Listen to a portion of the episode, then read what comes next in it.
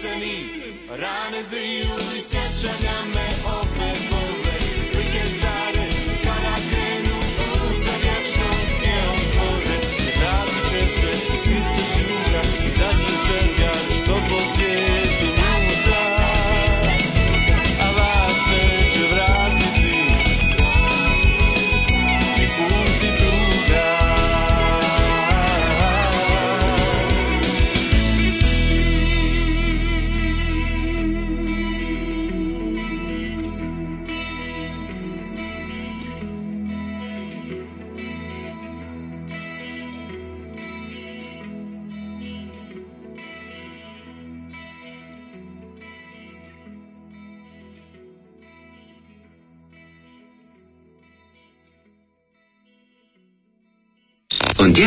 Lazio.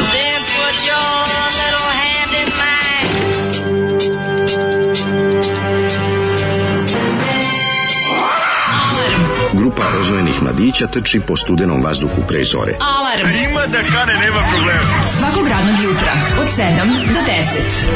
Hajde,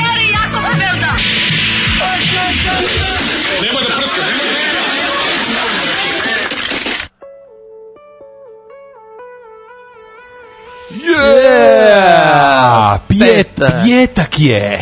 Petak da li znadeš da jutro. da smo uspeli da doćeramo do petka? Pa dobro. Veliki si profesionalac. Meni je bilo, je moram da ti kažem da, da si veliki profesionalac i da, ovaj, da ti se zahvalim već unapred na ovako genijalnoj radnoj nedelji koju verujem da ćemo privesti kraju u velikom stilu. E, Vita Kako, Bang. Da, Vita Bang, Vita Gang Bang, što bi se reklo. Kako si mi ovog jutra, lepi moj? E, jutro sam odlično, zato što sam imao strašnu noćnu moru. Znaš, ono... Ja sam imao loše, sam, uf, baš sam se zbudio noćas. A, ne, ja sam se probudio u pola šest, ono, to je skoro pa A, to, na vreme. To, to je jutarnje more, da. Ali, ono, od onih noćih mora kad se probudiš pa ti je lakše, jer sam sanjao da treba da idem na operaciju neku slepo crevo, nešto užasno. Kao da. tipa sutra ujutru. Šta sam sanjao? prsluk band. A, vidiš, ja sam pa, sanjao prsluk Ja sam krivo, znači, za tvoju noć. Znači, sanjao sam kako, e, o, ovaj, da čuvam prvo tvoju, tvoju operaciju čega? E, slepo crevo neko, nešto, užasno. A jeste operisao nešto? Mm, pa, ništa tako, tog tipa. si bio nekad pod totalnom anestezijom? Mm, ja sam g krajnike kad sam kao mali operisao. Ili... Krajnici se rade po totalnom? Da. Stvarno? Pa bio sam jako mali, možda zbog toga, ne znam. Ja sam mislio da Ukrajinci rade po nekom lokalnom. U stvari, ja sam bio to u vojnoj bolnici, tamo sve rade po totalnom. Da, da, da, da, da, počuću, da, da, da, to je zbog čače. Jest. A više ja sam mislio da se Ukrajinci rade po nekom lokalnom. Nisam Možda da sad, ne znam ako to napredovalo, nema pa pojma. Ja nisam nikad. Bio sam prvi razred. Nisam ništa u Belisu i nisam bio nikad po totalnom anesteziju. Nisam bio ni pod, bio sam pod Zubarskom anestezijom. I nisam ništa lomio. Jeste lomio nešto? Mm, ne. To, da, čuo si se isto. I onda si samo možeš raditi lepo treba. Da. A to nisi vadio? Nisam i onda kad se probudiš, znaš kako olakšanje čovjeka. Da, kako ne moraš. Ja stvarno bio realan. Jeste, jeste, da često sam nešto to kao da često sam nešto pa imam dobre zube i zdrave, nemam jednu pomombu i to. A često sam da imam neke probleme sa zubima da će nešto morati da mi se čupa, da boli, da će biti nešto grozno. To ti je kao ovaj, je trauma, kao Vronski na kraju, a ali krenje nekad nešto ima mm. problema sa zubima. nešto kada javite Vronsko, ne, javite Dašku da je Vronski na kraju knjige probleme sa zubima. Ali sam sanjao, bože, sanjao sam prslog bendi, to kao nešto, kao, ovaj, ja negde radim u nekoj toj šklje televiziji, Ha, radiš na Belamiju, dobro? Ne, nekad je on emituju. A ti u Novom Sadu, a, ja mislim, ja imam iskustva idenja po tim sotskoj televiziji. Kanal 9. Kanal 9, onda ovaj, e, dok je postala Panonija, pa onda, mm -hmm. mislim da sam čak jednom bio e, na, na TV Delta, na Jesenji nikad nisam pa, bio. Pa dobro, i Novosadske nije mnogo. Pa da, i Novosadske dosta jadna, ali mislim da jes, na Jesenju nikad nisam bio. Na ovo sve ostalo sam bio nešto najvin svirke ili tako nešto, mm -hmm. neki biberi i slično. To, ja sam sanjao kako ja tako kao, dolazim nešto, nešto u sred noći i vidim, oni tamo nisam snimaju prsluk, onako i neki lik, Horror. da, ja ne mogu da izađem, tražim izlaz, onda god, gde god ono kako jezivo. Lavirint, da. Lavirint, gde god otvorim kvaku, ono prslo ono bend, razumeš, da ono ponovo, i kao neki pakao, razumeš, iz kog ne mogu da izađem. Da ima šta kažu popularne ovaj, poruke. Jel bio neko na otvaranju ovaj, Doma kulture? Nisam. Juče drugari svirali ovaj Magic Bush, o, ali u ovoj postavi sa Giletom, koja me malo manje interesuje, ali sam hteo da na kraju, nisam mogao da stignem. A ti bio? Nisam, nisam čuo sam da je bilo malo onako kao... Da, da je bilo nešto, da, pozvali ljude pa onda niko nije mogu da Nešto, da je bio neki tako Ili da se brzo napunilo, a da ono... Da, sad ne znam tačno, pa ne bih da, da lupam. Da, zbog besplatno, ja sam čuo da kao zbog besplatnog upada da. je ušlo ljudi previše, pa, onda su ovi uplošili da puštaju dalje. Izgleda je bilo džabe, da. I onda su ovi, da, što je džabe i bogo sirci. To, ne znam sad koliko je tačno taj prostor za, konkretno za svirke. Ako se dobro skontao, to onaj tamo prostor gde, gde ono kao, ono dole. Da, da je bilo, ovaj, kako, šta je to bio? Tu je bio. Šta je, neki, ono, sokolonski... A ne, ja sam razumem kako sam ja razumem da to ne, da to ne klub dole, da je ona igronica bila. E, pa sad ne znam. Ako je, mislim, tu, to je onako nisko dosta. Da, da, da. da. Ne znam, ništa, nisam to Video su navljaju ateista, navljaju TBF. Ateisti, TBF, e. da će da budu. A sinoć kao da je bio neki krkljanac, pa su mnogi bili besni. Moguće. Da, ovaj, e, kaže, na TV Jesenin bio striptiz u dnevnom programu? Ma ko zna da dnevni program TV Jesenin leba vam ljudi, ono. Ko zna kako Mi Jesenin ne zna. Da, bajde, slušali smo, Zoli nam je pustio, sad nego što je otišao, nam je pustio Jasmin Mag i grupu Alarm. Kaže, slušaj, ovo, Jasmin Mag, moj brat od mog jednog prijatelja, dalmatinac, dobar čovjek, ima grupu, ovaj, ladno se zove Alarm kao i vi, kao da vam pustimo ovaj CD mi pustio. Znaš, on redko pušta CD. Da, da, da, ali kad je živao sto na sat, to je bilo. Živao je 100 na sat, kaže, čujte, Jasmina Maga, legenda, baš onako čovjek rocker. Ove, ovaj, Zoli, da bok lancu da penca pre, pričkino jaje, Zoli ubi se već jednom, E, I onda ovako kaže, dobro jutro radijskim e, poslanicima koji me E, bude svakog jutra i učine dan ljepšim, beskrajno duhoviti i pametni i tebi Daško dobro jutro. Dajte nešto za ovu kišu da se ne smučimo. Kako kiša mi nemamo kišu, nama lepo mi sunce. Da, danas mnogo lepše nego prethodnih. E, ja, da ladno je, pa 10 stepeni napolju, mogu ti reći, ja sam ovaj izdošao autom. Ja, pa vidim, znači, metara. i došao si prvi put posle mene. Zapravo. Znači, da, znači sam bio ono, ono tegliće se u krevetu do 6.27, onda sam navrat nadno se ustao, doveo se u red i rekao, doći ću, doći ću malo, ovaj, uh, malo ću da dođem kolima. I onda sam to bio izuzetno glup potez, jer sam našao otprilike mesto za parkiranje na pola puta. Vratio sam se pola puta nazad da nađem mesto za parkiranje. Jesi trčao pa? Da, bio sam potpuno mental. Meni aplikacija prikazuje 660 metara ovaj, od kuće do ovde. Stvarno? Pa da. Pa ti imaš još manje nego ja, pa. to je ikako moguće. Ovaj, e, kaže ovako, po, pozdrav, Đolo Vegun, ja doručkovo slanine, pa čekam ručak. Ne, nije on ve, nisi vegan, ti, ja, ti si ovaj peskaterijanac. Da, da, Ej, donan, Đolo, Đolo nam je ovog jutra doneo, ovaj, ja tražio, ja iz tražio, da, pošto prolazi pored kao nikada, da nam donese ovaj um, uh, s mesom, e, boj njihov te, taj frulica burek, a onda da on s piletinom, mogu teći mi se više dopao. To vidiš, to sreću. Da bi sad u nekom periodu naredno više cepova s piletinom. Um, kaže, predsjednik jedne stranke je Golubar, mislim da je glavni zvane alkice u Srbiji, a metnuli mu bombu pod kola, onako iz zezanja, fina neka njuška, pošten čovek. A, e, znam ko je. Znaš ko je, a? Pa, Bokan, verovatno. Je on golubar? Pa, po ovom automobilu, bombi i to. Kakav je, majko Božija. Slušamo Oasis i Don't Look Back in Anger, dobro jutro, petak je razlog za radovanje. Danas na predsedništvu smo jednoglasno doneli zaključak, odnosno ja sam doneo taj zaključak. Alarm sa mlađom i Daškom.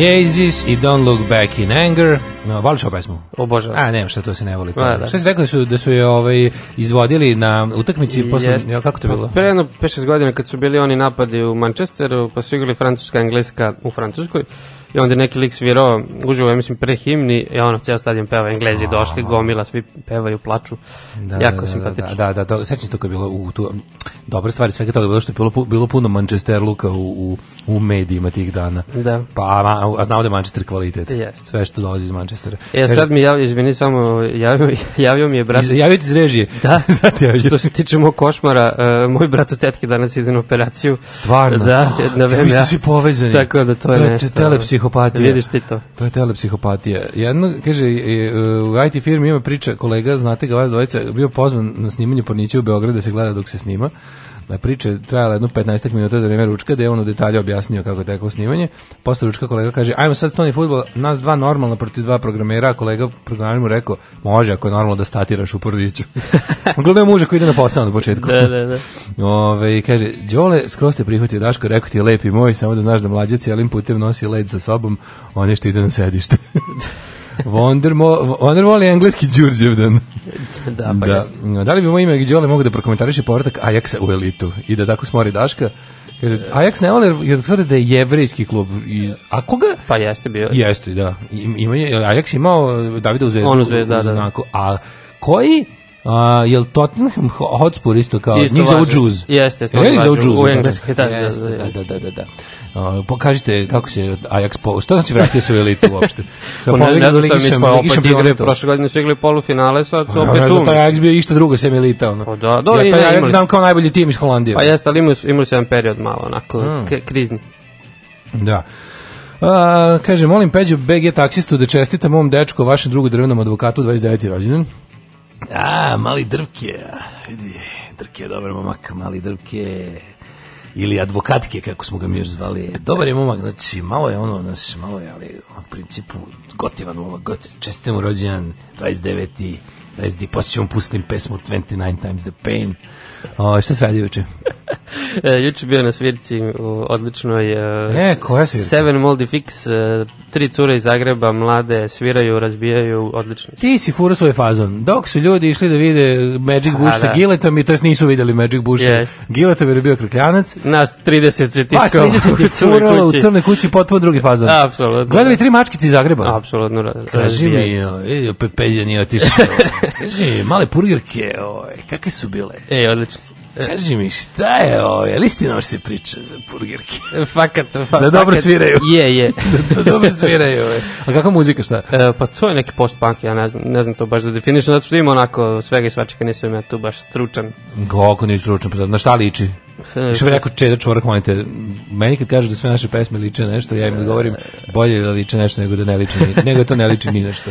Ne, pa trude se onako da ubacuju, imaju čak i neki Što čudno zvuči kao... Jesu trio? Trio, trio, da, da. Brate, mili band kad je trio znači da dobro svira. Jeste, yes, su moraju svi da sviraju. Tako, kad je band trio to znači da svako jede svoj instrument. Yes. Ja nisam još vidio trio, pazi, može mi se ne sviđa ili sviđa, mm. ali to da svako tu zna svoj posao je neupitno. Da, mislim onako... Svi trio bendovi su da. Van Gogh, Rekao Nabrica, Azra. Da, da.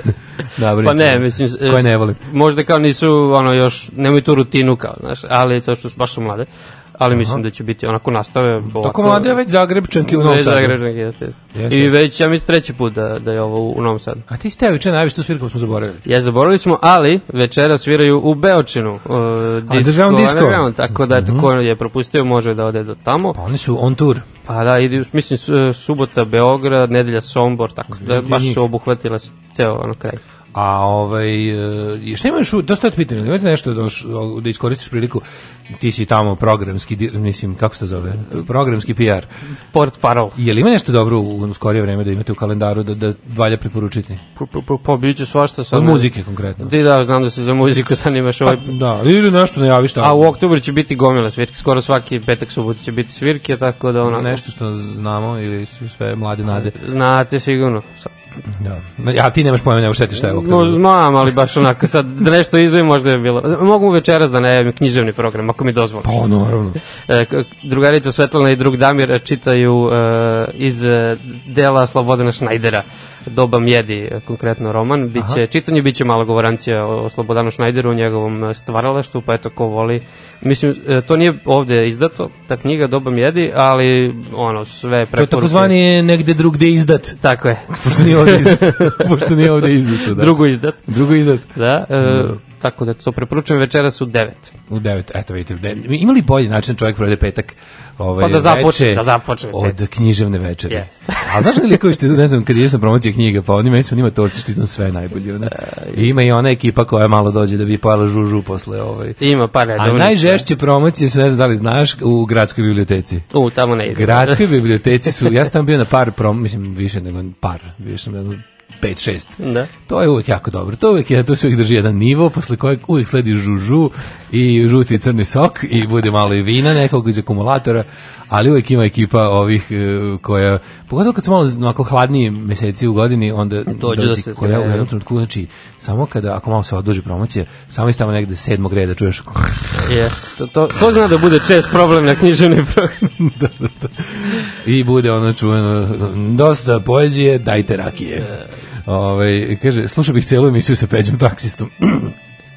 ja bi isto rado slušao, ali, bi ne, ali ne bi pravio. um, kaže, odličan Oasis uvek za se reklamira neki unplugged koncert Lima Gallaghera na MTV kanalu, pa ko voli.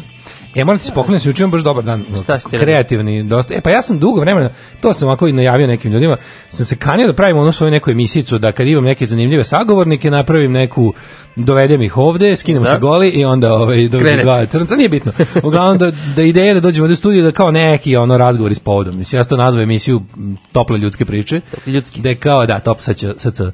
Ovaj, da će kao neki zanimljive sagovornike. Ni, nisam se ono nešto, ovaj, nema dinamike, nema, nema, neće biti kao ovo je nedelja mesečna da, da, da, emisija, nego u fazonu kao kad im nekog, nekom mi nalet interesantan, dođe, dođe ovde, sednemo, pričamo, ovaj, i onda bude tako neke Emisija 45 minuta sat vremena koliko koliko ko bude. E, ko ti je? A jednog brutalno krađe Marka Merona otprilike. e sad koliko sam ja Mark Meron, toliko je to toliko je emisija what the fuck ono. Pa imao sam sreće da mi prvo bilo baš ne, neko koga sam jako s kojim, sam želeo da popričam tako, pa Rumena Bužarovska. E, pa da. Stvarno odlično, ono odlično. najveća ja mislim spisateljica Balkana, naj pa, književna zvezda. Trenutno bi se moglo reći književna zvezda Balkana, zvezda. meni omiljena spisateljica, stvarno njene njene dve ove knjige poslednje su mi nešto ne, najbolje. Baš sam letos čitao ovu e, drugu Da, niko ne ide, ne da, niko, da, da tako, da, da, da, I baš mi je bilo odlično. super. Baš nam bilo lepo, ona nastupa na ovom, ovaj, ja to zovem književna čubanijada, na ovom book toku danas će yes, pričati sa Marčelom, ali ne tako zanimljivo kao sa mnom. Naravno pa to sam ću da nešto da sto, nema tu ni da se montira mnogo, pravo ti kažem, ovaj, nešto da smislim neku špicu, neki uvodić napravim, pa ću to da kačem sad I, e, kad, ovih dana. Kad će biti uskoro? Koji se sledeće nelje, što me mrzi za vikend bilo šta da radim, malo da odmorim, ovaj, da, da, da, baš sam crkove nelje mogu da, da, reći. Tako da ću da pravim tu emisiju kad, kad budem imao zanimljivog sagovornika, eto prva je gotova, pa kada okače pa će ljudi kažu kako, da li to valja. Jel mogu ja da najavim samo još pre? Ovaj, Možda Definitivno, uh, e, Nivici Ofsida kreće od yeah. 6. oktobra u nešto izmenjene sastavu i konceptu, ali da. dakle ne ove nedelje nego sledeće. A ti si potpisao za SOS kanal, čuo sam i da. više ne naštup nastupaš. Za SS kanal, ovaj, za Waffen SOS kanal i više ne nastupaš u dresu ovaj, Nivici Ofsida, nego si sada tim Anđus. Da, ko, nije, Anđus je Kopernikus. A, izvinjam se. Da, uj, to je bio. Nekada Anđus ikad bio na nečemu, na nekom sad nije. Ja mi, ne, ne, ne. Nije, a? Ove, ovaj, kaže, pa imao je Bulić, tako mi se zvala se crni biseri. Da, usjećam se. Hoće taj zagovornik, ću biti dozvio nešto da kaže. Hoće, baš se, grižao sam se za jezik, već mogu ja to, mogu ja to. Večeras ima Irish Punk u Pančevu, nastupio video Ram Jacks i užasna predgrupa ovi Orthodox Skins, da. ovi Aca Celtic Cross da. i ostali, ali Ram Jackson čuo da su dobri. Pa vidjet ćemo. Znači imamo, vraća nam se Damir bez tebe. Da. I a, znamo kako se zove novi uh, suradnik, nije, nije nam rekao. E, biće, e, Stefan se zove. Stefan, Damir ali, i Stefan. Da. da. Ali sad biće malo drugačiji koncept, pa sad da ja to ne najavljam. Ne, ne, ne, Bi, biće na Facebook stranici, pratite. Ono, aj bre, ti ako znaš što. Pa ne znam. Pa ne znaš, ma dobro. Ove, a, sad ćemo se, pa znaš što ti pustim sada? E, ovo je Đole izabro, jutro si došao, rekao, molim te, pusti mi Ganse da pusti. pustim. Da Obećao sam mu, znaš, pet stvari na ovoj listi i ovo je prvo tih pet stvari, November Rain. Život može biti lakši, posao može biti bolje plaćen, zakon ne mora biti poštovan. Srpska napredna stranka. Učlani se još danas.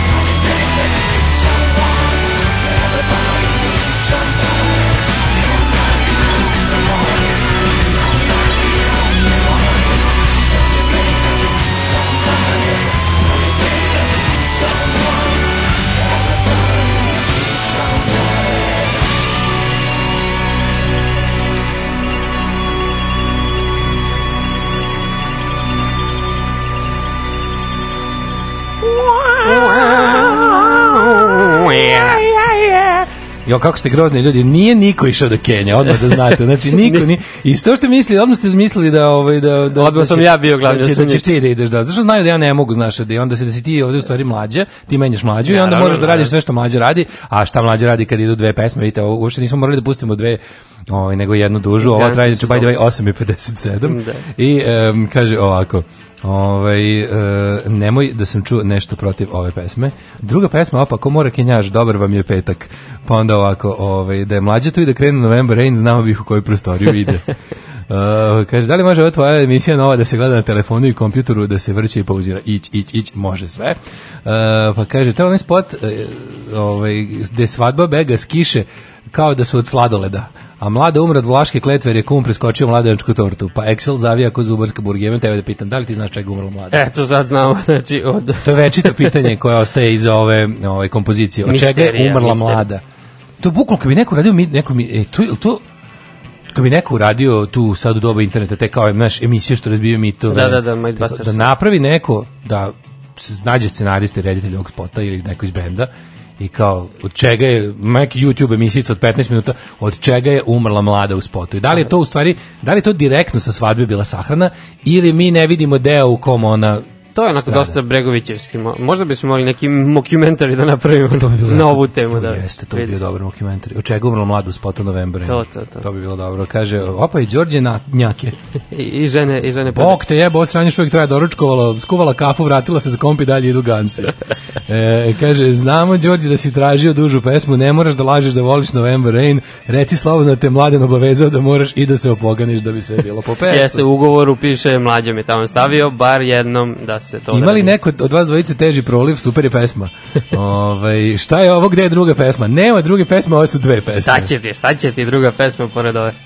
E, kaže, ako mlađa čuje da se ovakvi dugometražni hitovi vrti, imaće buduće vremena da u tom vašem WC-u izbaci sve iz sebe, opere zube, istušira se, obrije pazuhe, otpeva Marseljezu i taman mu ostaje vremena i da kaže, a, probavita. Ove, e, doktore, ja kenjam svako jutro u sedam. Doktor, šta je tu problem? pacijent, danas sam ustao u 8. e, kako voliš ti Ustvarila da se već malo rubrika ovaj, loš fazon, loš, bicevi, da. loš dnevni fazon. Ja pustim po jedan, ne možete više. Ja, to je prihvatljivo. Za, ovaj zapušeno je za veće šolje za danas. Ove, ovaj, hoćemo mi polako u prošlost. Može. Ajde.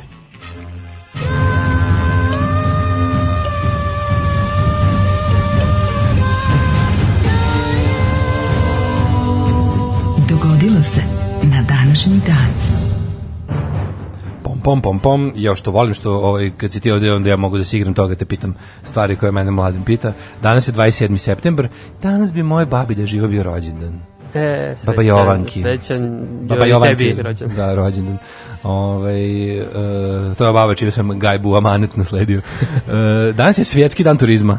E, ja, znaš da sam ja završio srednju turističku. Ti si turizmoglu? E, ne, ne. Turski, taj... turski turoperator turizmoglu. turizmoglu. ne, turistički tehničar. A, srednja, turistički srednja mali, ali tehničar. Da, mali, ali... Gde to je ta škola? U Nišu? A, u Nišu. Da. I to je u, to je kao ekonomska, tako? Pa da, ekonomska, trgovačka, sve je spojeno. A nisi kao, znaš što je završio? Srednju? Ekonomsku, da. E, pa vidiš. Pa, pa, nije, skoro, skoro. Mislim, isto pa ekonomska, sam trogodišnja i ovaj, uh, poslastičar. Poslastičar. To je mala tajna koju krije, sad kad nije tu mogu da dodam. sad možemo da dajemo sve tajne. Bio je, bio je ovako, ti kažem, u tim, u tim godinama je bio baš onako e, jako ovaj, ambiciozan mlad momak, željan školovanja. to, to, to. Pa ne, ja znam da su mi kolege istoričari, ali nisam znao. Uglavnom, ovaj, danas je svetski dan. Svi što propao Thomas Cook? Je, ja čuo sam da. Kom, najstarije, to, je čovjek koji izmislio turizam. To smo mi učili u školi. Kao, Thomas Cook je izmislio da, turizam. Da, da. Znači on je prvi izmislio... Ovo je sad komercijalni. Dobro, Bila je ona Hatshepsut e, čuvena, ona egipatska carica Hatshepsut, ona je kao prvo putovanje koje se smatra turističkim i ona sprovela, ne znam. U, u starom Egiptu. Da, da kao ono išla ko, kočijama. da, okej, okay. kao bogati ljudi su mogli da odu negde da im dupe vidi put Naravno. i često su samo zato išli. Naravno. Ali to da je neko obične ljude, ono mislim po znacima obične ljude odveo da. negde organizovano bez ikakvog drugog razloga osim da budu tamo malo. No, da, to je što jeste od, nekako definicija. Thomas teorije. and the Sons. I on to je bio Thomas Cook. I sad propala kompanija, pa je kompanija osnovna 1000 700 i neki, ja mislim. To smo učili, čak znali. Neki druga polovina 18. Znati. veka. Tako nešto. I ona je propala prošle nedelje. Mm. I da li će nastaviti ne po tim imenom? Pazi, ništa nije on, ta, ta firma je preživjela ono, sve ratove, prvi, drugi. Da, čak, da I uništilo je, šta je uništilo? Uništilo je ono, šta je Airbnb uništilo. Pa da. Pa tako će sve sad. Mislim, ide se pa ka tome. Neće, ma kako, mislim, ne može taj veliki pa ja, turizam nestati, taj, taj hotelski. Nisam siguran, mislim sve što to Bukinzi, ovo ono, znaš. Aha, misliš da, ali Dobro, opet neko mora da, kako ti kažem, turoperateri su i dalje tu, mora neko pravi tu logistiku, ono. Malo će se možda promeniti ovaj... Pa mora, ali sve više i ne mora, kako ti kažeš. Mislim da ljudi imaju ono kao volje da sami sebi sve organizuju putem, ono...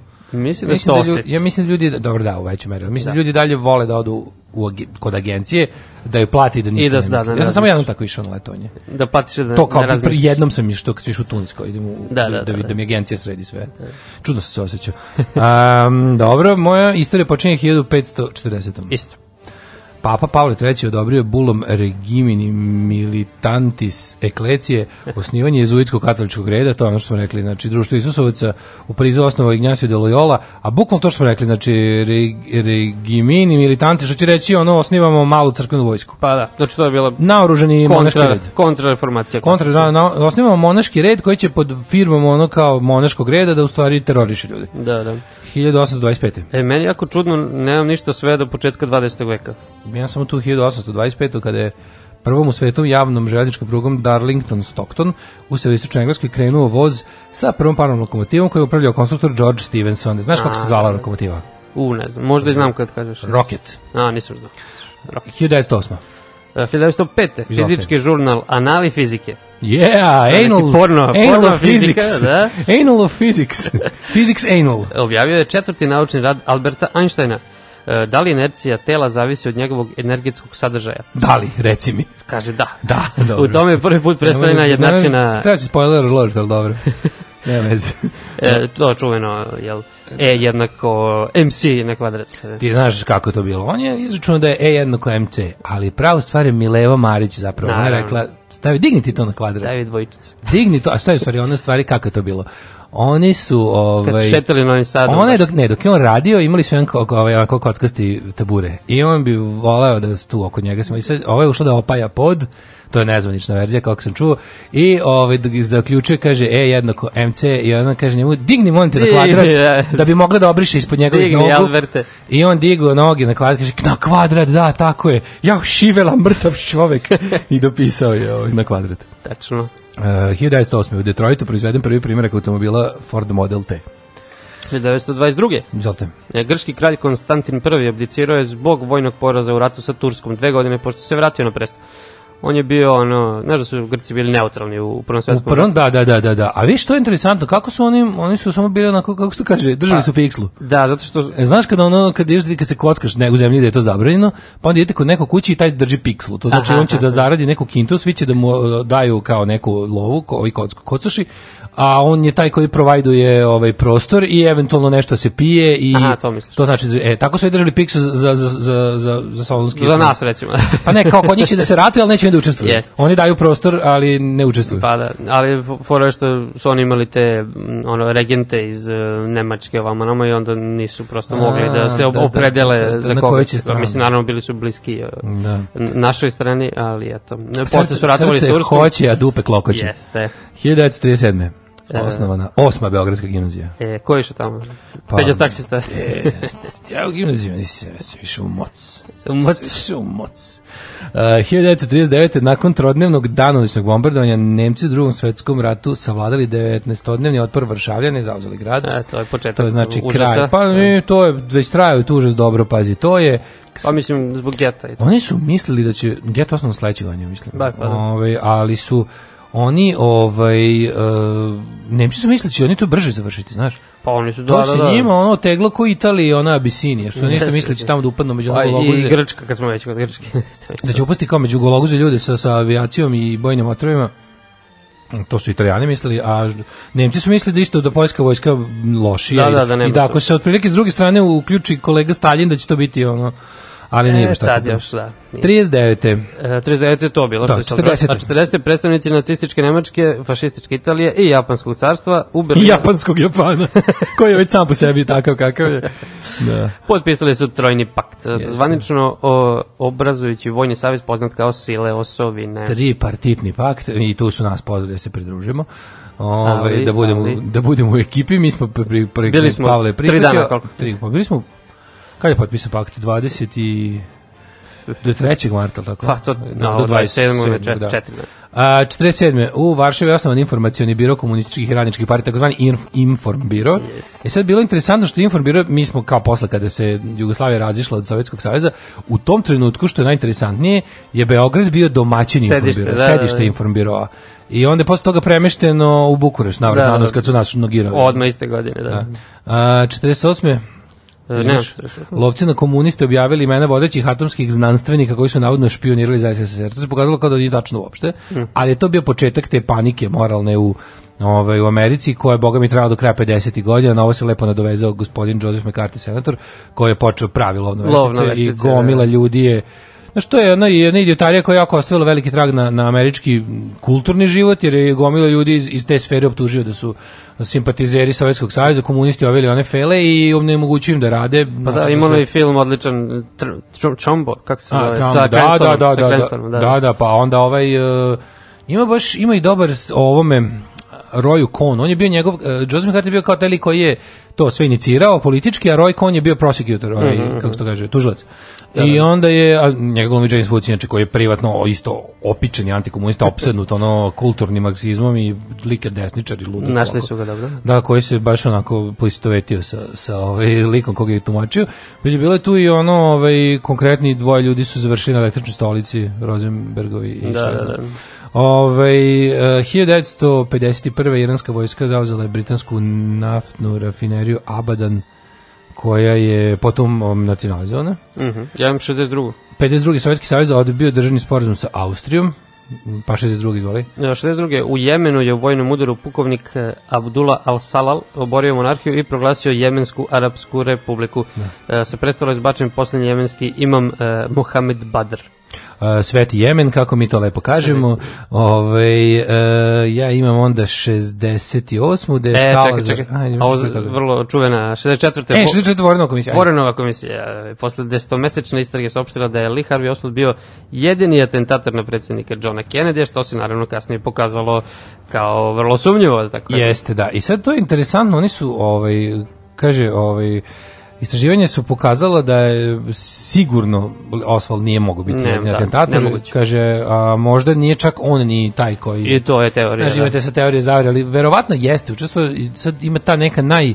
Od svih koji, ja ne znam kako ti kao istoričar, ja kao istoričar amater, koju ti teoriju zastupaš lično? Pa ne, ne, ne, ja sam nešto tu... Više šutera, Lee Harvey Oswald... Je, meni je logičnije da je tu bilo više.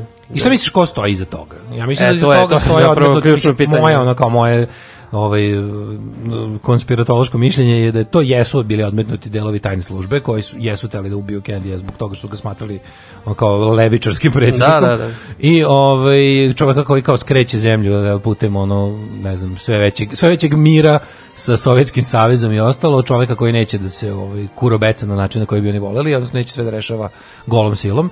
Ali mislim da, sam, da, mislim, ja mislim da je sam događaj izveden tako što su oni zapravo ti likovi su angažovali više grupa ovaj Aha, misliš, više mislim različi? da jeste bilo više ljudi koji da da da se on, da, da međusobno nisu znali da su svi na zadatku da roknu predsjednika. Da li Harvey Oswald jeste kriv da jeste mislio da treba da ubije sad ko je od njega zapravo ko je od njega zapravo Dobro, to, dovatio? To zvuči malo da. komplikovano da da no, da to sasvim da je nekom naš kao kad se svima su rekli budete tu i imali su u fazonu da se osiguraju da će uspeti. Da, I da. sad ko je pucao Znaš, da, da, mislim dobro. tako pucao nije znao da su tu još ljudi. Pa dobro, koji su tu, znaš. Sve moguće. Ali u suštini ključni je ovo ko organizuje, a ja ne znam ko bi drugi mogao osim tih što se spomenuo da. da, su... pa odmetnuti delovi da, da intelligence smatrali... agency. Pa da. Znaš, zato što ono kao kad se kad se priča tu je bilo bilo je raznih desničarskih ekstremista koji su imali ono te neke kao grupe koje čine jel likovi ono da li neki beli supremacisti ili ili ti južnjački neki ludaci ili uopšte znaš svašta je tu bilo pa zato su kao se izabrali baš da bude ono da ovaj ali super što su oni lepo odmah rekli tipa kako su rekli ono, ovaj ovi dosjei će biti ovi će biti sad zapečaćeni, moći će se otvoriti za koliko nešto 60 godina. Tako nešto da. Al to sad nešto. Pa trebalo bi to tako to je sad nešto? Tako je 63. znači... Ovo je trebalo. Da. da, nešto je prestalo interesovanje za to. Pa ne, ako 63. onda za, za četiri godine. E, pa onda ovako, e, rekli smo 68, Salazar, da, da. 68. Salazar od 32. vladao Portugalom, povukao se s mesta premijera. da, on se povukao, kod njega nije... Da, kod njega je odradio moždani, a ne državni udar. Da, da, da, moždani udar. 70. na 11 dana okočen se sukob između vojske i pakistanskih dobrovoljaca iz Jordana. Mm -hmm. 73. UNESCO zajamčio kredit 500 miliona dolara za spas Venecije. Pazi, taj projekat traje od tada, oni još to ono dižu, stavljaju na skele, on i dalje uporno tone. Da, mi to još postoji. Znači. još postoji? Venecija? Venecija. Mhm. da, još drži se nekako. Pa pošto je vade, ono ispumpavaju i ostalo. ja do 90. Ne. Ajde 90. recimo. E, Iran i Ujedinjeno kraljevstvo obnovili su diplomatske odnose koje je Teheran prekinuo u martu 89. zbog knjige Satanski stihovi britanskog pisca Salman Ruždija. To smo pominjali, ja mislim, kad smo prošli put. E, Stvarno. Bile da li Ruždijev rođendan ili nešto. Večeras je Ruždi kod Bila Mara u emisiji Real Time da. with Bill Mara, ja to gledam da, religiozno, pa večeras će da bude gost, verovatno će da se priča čovjeka ovome. 100%. Pazi, on je tu, on je čovjek tu baš onako skenio. On, ljudi, za, ljudi za koje misle da ćemo biti saveznici su da, su da, da. prilike da. rekli, u, kao, stali su na stranu verskih fanatika. Kao, no, pa da, jeste kao vredio je. Kao, mm. Mislim, to je baš bilo jezivo. Čovjek je mogao da nastrada zbog blasfemije. E, uglavnom ovi su odustali zbog ono, ovaj mora da otkaže fatvu da bi jel, ovi mogli da se vratiti kao u civilizovani svet, ali još ovaj dugo bio pod zaštitom tajne službe. Da, pa se odrekao sam. E, pa kaže ovako, 96. snage Talibana zauzele Kabul, Mm A 97. Afganistana. 97. Da. Počinje šakovski turnir u Tilburgu, Holandiji. E, moj čale šakista samo da se Jel pohvalim. jeste? Da, da. Ja, a ti da Ide na turnire, sveže. Koji ima e, titulu? E, pa ono nešto, majstorski kandidat, ne znam ja tako, već. Tako, šta, šta kako to ide kod masona, kaži mi? Veliki da, da majstor da, da. šahovske lože. Pazi, mislim, Mistorević prezio mora da bude. Ne. Da, kako to ovaj, Šta ti treba da bi, da bi bio majstor? Prvi? E, pa imaš je turnire, pa ono, ne znam, ja, dobiješ po, pojene, imaš te kategorije različite, pa zavisi protiv kog igraš. međunarodni? E, pa što, kako igraš protiv jačih protivnika, tako više pojena dobiješ, znači Jasne, zavisi, da. ja, to je taj koefici, koeficijent. Jeste, i sad tvoj čale na kom stupnju razvoja, kao pa, majstorski kandidat? Majstor, to je vjerojatno će ostati. Hoće da, uspjeti da bude majstor? Pa ne znam. Mislim, on je već majstor za ovoga, tako zbog prezime. A, majstor Majstorović, da, dobro. E, 98. osnovan Google. E, vidiš to, ja to nemam nego 98. obećavši da će rešiti problem masovne nezaposlenosti. Lider nemačkih socijalista Gerhard Schroeder, Štreber, e, pobedio Helmuta Kola na izborima i postao novi kancelar Nemačke. Kad čujem Gerhard Schroeder, setim se naravno pesme Bore Čorbe, gde si sada folkerije, jebe mu ti najmilije, pošto znamo da si peder, nek te jebe Gerhard Schroeder. A, znaš ono stvar Helmuta Kola. E, to, to, su sve, to je Bore Čorbe iz 90. A, ovaj, kad se borio protiv... Čudo umro Žak Širak, kad smo već kod E, Jako je Širac je umro, ovaj, da, pro, juče? Juče, juče, jeste. On je, je li on ovaj bio odgovoran za francuske atomske probe 90-ih? Ja da on. Pa, pazi, on je... Je on bio predsjednik što je ono... On kao... došao na nešto 96-7. On ima dva mandata. Tri ali mandata. pre toga bio nešto gradonačelnik Pariza. To se... Ili je bio premijer francuski. Ili bio je jedno vreme premijer, ali bio duže sve, ono, bio, bio gradonačelnik. Da, bio, bio francuski Putin jedno vreme. Da, pa ima u novinama, vidim, pa možemo to i u da. drugom satu. A, 2000 eksploziji gasa u rudniku u južnoj kineskoj provinciji Gidžu poginulo je 118 rudara. A u Beogradu, u centru Beograda, oko pola miliona, ne, oko pola miliona ljudi širom Srbije burno su pozdravili proglašenje izborne pobjede demokratske opozicije Srbije na izborima Jeste. dva dana ranije, tri da, dana ranije. to je bio neki... E, tu, tu je dogovoreno da se neće ono kao... Da se neće ići ne drugi krug. Ne se drugi krug, da ne može sad i to je bio jedan onako politički dobro odrađen bitan, ovaj, bitan da, moment gde su oni DOS uspeo da obezbedi podršku radnika, sindikata u to vreme koji da, su da. bili onako uglavnom pod čvrstom kontrolom režima i prvo je stala Kolubara, pa je onda stala železnica, pa su se stvorili svi uslovi za političku akciju kad je Srbija bila konačno jel zaustavljena. Ja.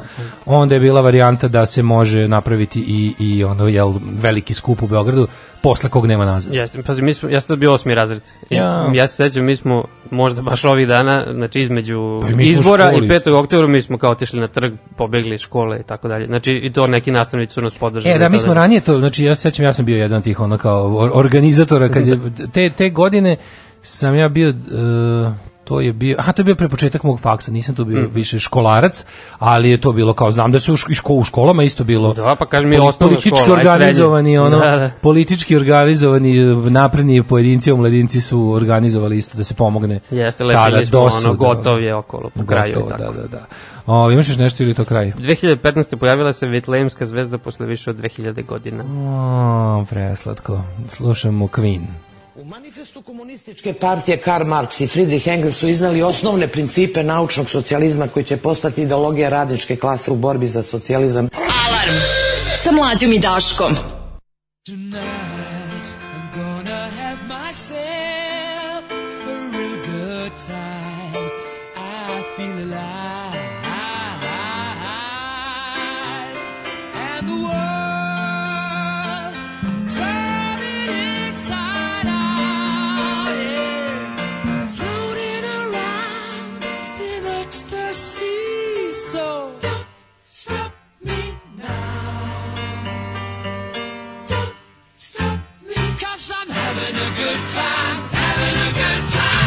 stop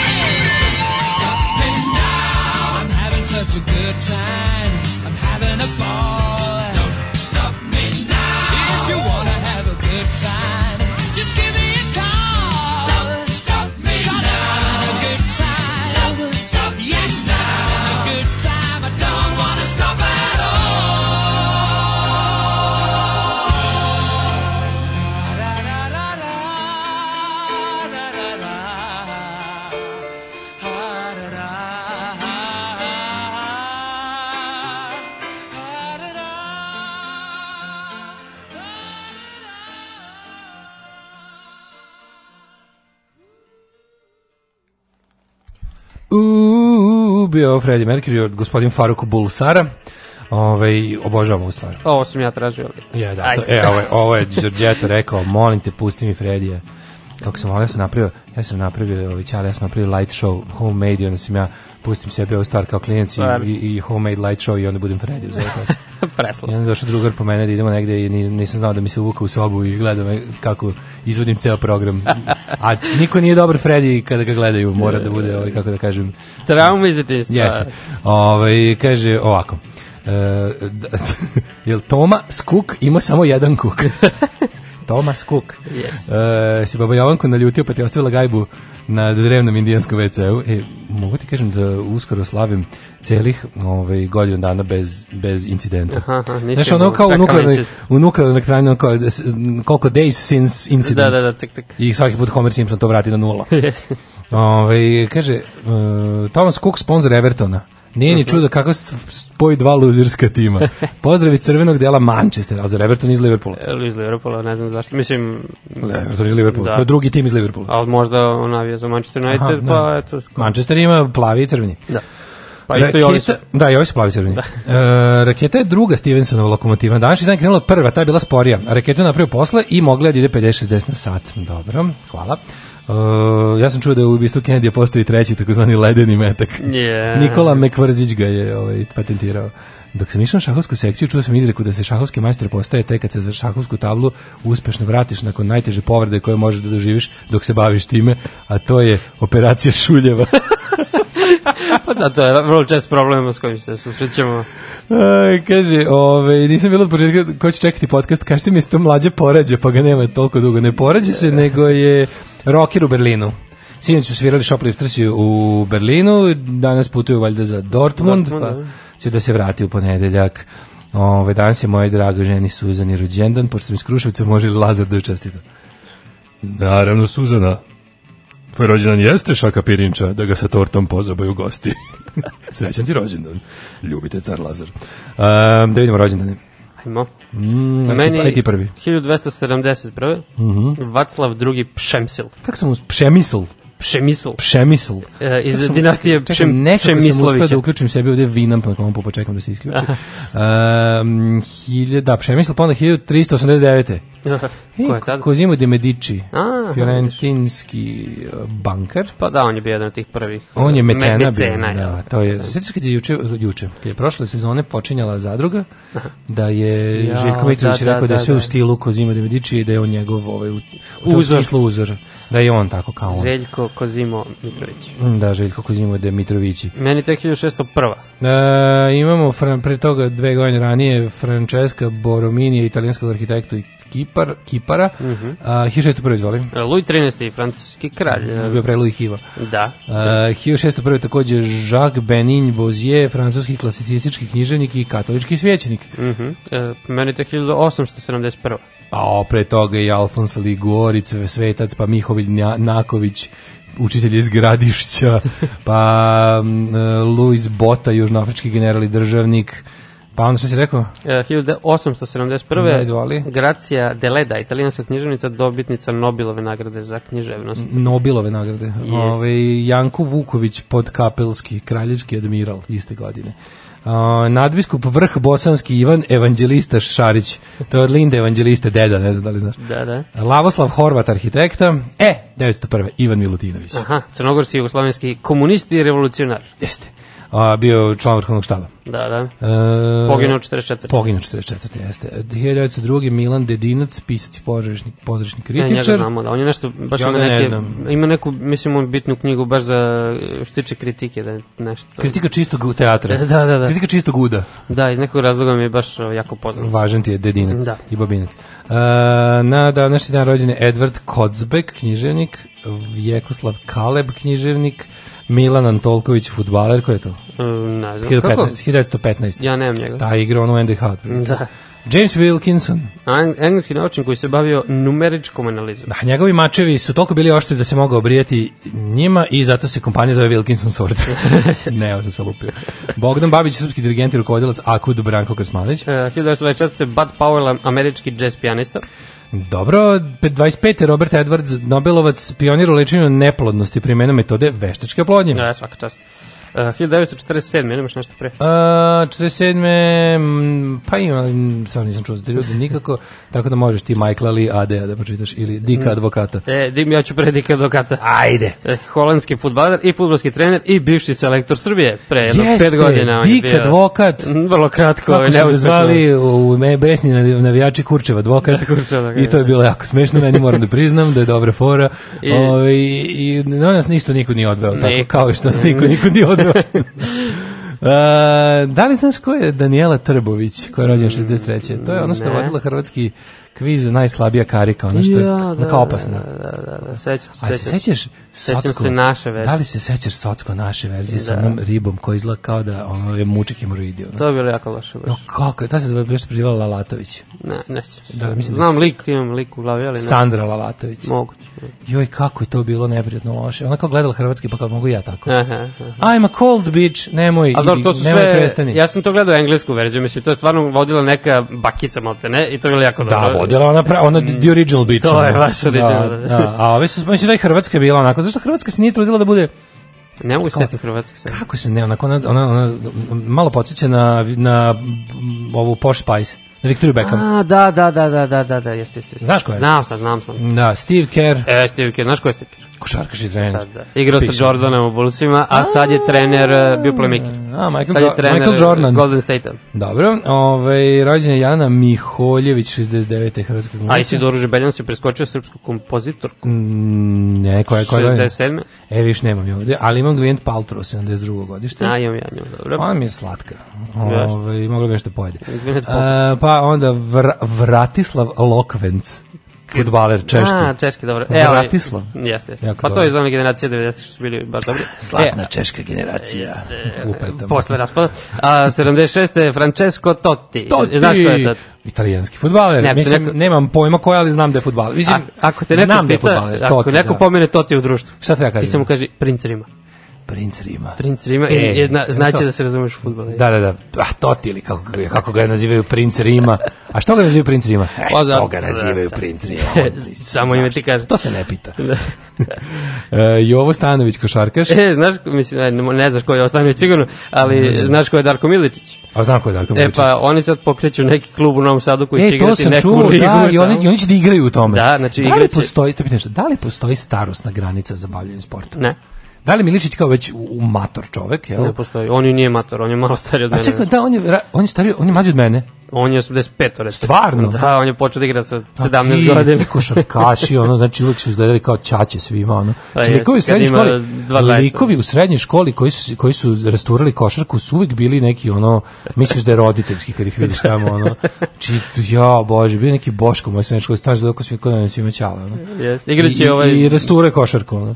Buluc je isto igrac s njima, ovaj basketaš. Da, da, da, da. A čekaj, to je ovaj što igra 3 3, ba, bas, a, basketaš, će, basketaner da, baš. Ma da, oni su svi već igrali kao bili su profi. I čekaj, oni su, aha, da, zato što, da, Miličić može jer on stvari u NBA i nije ništa igrao. A nije. On je dobio da. pare i čuvao se. Ima titulu zvaničnu. Da, da, da, da bi igrač NBA-a i, i da. A, na današnji narođen je Lil Wayne, američki reper, Avril Lavigne. Ana Nikolić, Ana e, Nikolić. Uh, premijer, srpska premijerka. Ana, srpska premijerka. Ja, ja, ja, sam se ložio na Avril Lavigne, u onaj spot. Svi smo se proložili na drugo. he was a skater boy, sexy you later boy. 84. Mm, avril. Da, a pazi ovo 90. Mirka, Mirka Vasiljević. Vasiljević. Koliko smo mi čekali da postane legitimno da se ovaj kaže to što smo mi govorili posle za nju. Pa dobro znači, to, mi smo, mi smo bukvalno zajedno smo rasli Mirka ti i ja čekali smo, čekali smo da možemo da kažemo znaš ko je dobra riba ona mala, da, da, da, da, jer konačno ima 18 godina. Ali, očigledno niste jedini čekali, jer... Če, ali da je futbaler, tako? da, sad ima pa, nešto. Futbaler, mislim, mislim, ona se udala tipa sa 17 i pol, ne? Pa ne znam da se udala, ali počela da rađa decu. To je baš bio na Roman wedding, da. što bi se reklo. pa za sin od Duleta Savića, ali to je. A to je taj? A, da, Vujadin. Vujadin. Da. O majko, mila, znaš kako je to, kako je to pravoslavlje dolazi sa juga, ono? Apsolutno. Šteta takav jedan, ono... Potencijal. Tako, e, tako, ali da li znaš ko je Simona Halep? Evil Angel plače za njom, a ona u pravoslavlje otišla. Šta si rekao, izvini, nešto misla mi pobegla. Da. 91. Simona Halep, možda nju znaš kao... E, rumunska tenisačica. Da, ona je poznata po tome što je... Halepova kometa su je zvali.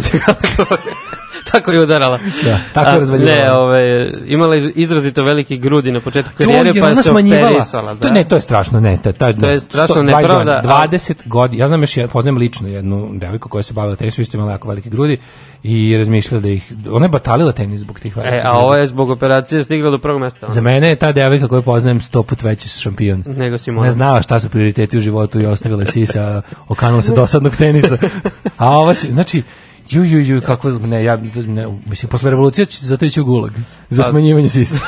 A doktori koji, znaš, doktori koji budu vršili smanjivanje sisa će proći kao ovi koji vrše abortuse u, u ovim, u hrišćanskim zemljama. Da, da, da, da. U suludim hrišćanskim zemljama. E, umrli je na današnji dan. E, ja imam prvo 1891. Ja imam da neko umro već 1, 1, 1, 1. Aha. Vekenega.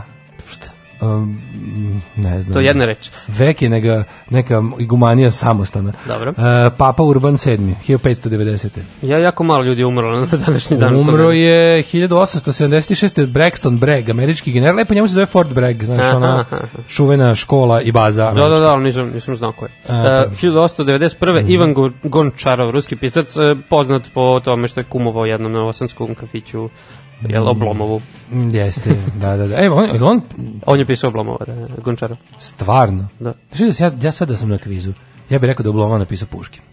On, e, Kako bi ispogledao, majko, To bi rekao se jako puno, onako, sigurnosti. Ja bih rekao da Oblomov Puškinov lik, stvarno bi to rekao i to bi bio ubeđen da sam u pravu. Uh, pa. eh, 1900, da, bi. E, vidio sam da je krenuo opet milionaš eh, da Tarik se vodi na, na hrtu? hrtu. Da, da, da. Pa to je super. Pa da, meni to bilo Samo je bilo dobro da malo požure. Znači, zašto taj, ja sam tek kviz jako voleo, ali me nerviralo ovaj što u srpskoj verziji onaj najneharizmatičniji čovjek na svetu je vodio. Ja, da, da. da. I čovjek koji stvarno, znaš, ja želim da verujem da dok ja sedim tamo i pogađam da voditelj već zna odgovor. Aha. To želim da verujem. A kad više ovog Ivana Zeljkovića mi izleti kao da ga neko doveo u studio za ruku. Ono. Kao da ništa ne. Kao da ne zna kući da, da, da, ne, da. a ne odgovor na pitanje. Ovaj mogli bi samo malo da požure da čujemo više pitanja. Mogli to mi da. smeta u tom kvizu što je jako malo Čekaj, pitanja. Čekaj, ti si bio već milionar. Nećemo o tome sada, aj nikada, aj nikada. ovaj da, sledeći 1917 umre Edgar Degas. E, da. se da to je emotivna rana najveća na mom na mojem srcu. Ovaj Edgar Degas 1917. To ovaj, on, on je da ima skoro sam video neki kao ono Bored Pandel kako već pa imaš kao objašnjenje slikara na šaljivi način. Ako vidiš a, to da, i to, to, to je taj. Da, ako, da, to je taj. ako vidiš balerine, to je Degas. To je Degas. Ha, da, da, da, vrlo jasno. Ono,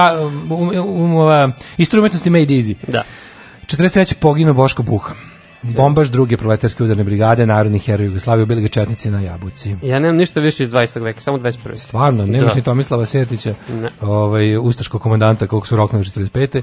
Pa onda 61. američka pesnikinja HD. Mm -hmm. Cliff, Cliff Barton, basista Metallica, ali on, oh. gad, znaš što s njemu bilo? Oni su čekali nešto u... Oni su, uh, su davi, u... Si, oni su spavali, išli su na turneju, to je bila, mislim, Ride the Lightning turneja. I onda su spavali kad im se prevrnuo turbas i ovaj je bukvalno ispao kroz ono bio na, znaš, ono, dok, se, dok se bus prevrta, ovi koji su bili u njemu su preživjeli, a on je ispao, dok se On je na pola puta ispao iz onoga, još ga da, bu, da, da. i bus kako je ispao, ispao je napred, pa ga je bus gnječio. Da, da, da, baš da, ono dosta metal smrtovaca. Ove, e, 2001. izvolite. Dragiš Ivanović, inženjer, profesor, rektor Beogradskog univerziteta, eto sad, ovaj, rektor je u modi. 2007. Nenad Bogdanović, gradonačelnik Beograda, ja bih rekao i poslednji, ono, dobar gradonačelnik Beograda. Da, on je nešto razboleo rano. Nešto Jeste, ovaj, Huge Hefner, 2017. Ne. I Milorad Marković, jugoslovenski srpski direktor fotografije prošle godine, imao 96 godina kad je preminuo. Odlično. Mislim, odlično, dugo živeo. Sigurna poslovna hosting rešenja za vaš biznis. Hosting by, hosting by. Hosting by, internet, raj! Right.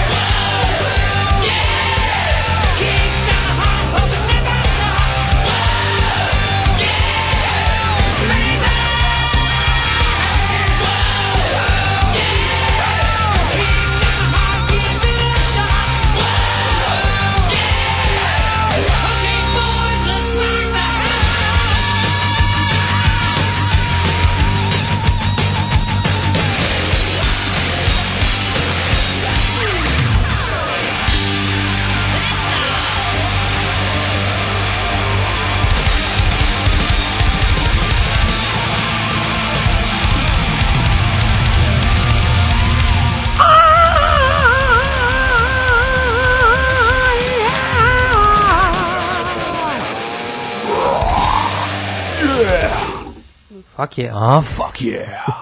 fuck, fuck, fuck, fuck, fuck yeah. Uh, Sandra Latović je sad Sandra Čerin i radi na Sputniku. Može li socki od toga? Baba redko. Sputnik. Redko u istoriji se dešavalo. Steve Kerr iz mlađih dana podsjeća na Steva Zena. Pa kaže ovako, Giannini je bio kralj Rima, zato je Toti princ. Saznao sam i zašto je Toti princ. Da, zato da, što da, da, on nije mogao biti kralj. Živeo je za Romu. Živeo, živeo za Rome pa preko 20 godina. Preživeo je za Rome, znači išao je s njima ovaj, po tribinama, ako sam dobro razumeo. Što sve pogrešno nisam dobro razumeo. Čuo sam da je ovaj, naš... Bio prvo ovaj navijač, pa igrač i ceo karijeru igrao tamo. I, I čuo sam da je malo levlje ovako, što Jel nije često, da. Pa dobro, da. Hoće u Romi to da se desi, u Laciju neće se desiti. u Romi još i hoće. Roma je bila pola-pola. Ovaj. Ima tamo isto elemenata. Ima tamo desnih, de, desnih elemenata. A kako beše bilo?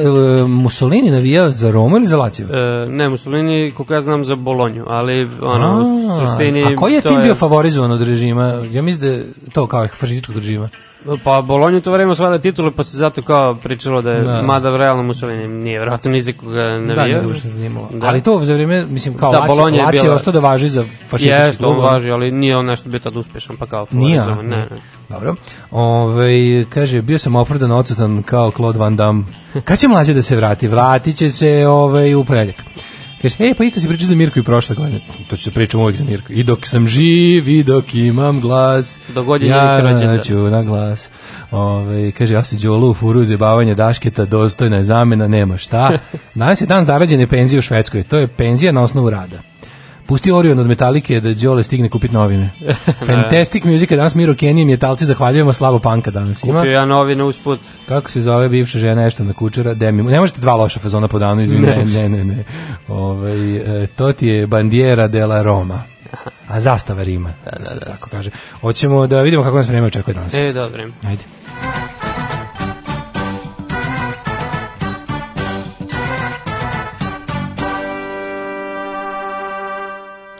Hajdmet, uh, e, prva, ja, prva, prva. Pa prvo dok ja otvorim, prva. pošto sam zaboravio. Može, Palić 13, Sombor 12, Novi Sad 14, Zrenjanin 13, Kikinda 12, Banski Karlovac 13, Loz, Lozinka 11, Sremska Mitrovica 10, Valjevo 13, Beograd 15, Kragujevac je 14, Smederskoj Palanci 13 i Velikom Gradištu 15 i ovo sve što sam pročito je takozvana vedra Srbija i odnosno druga Srbija.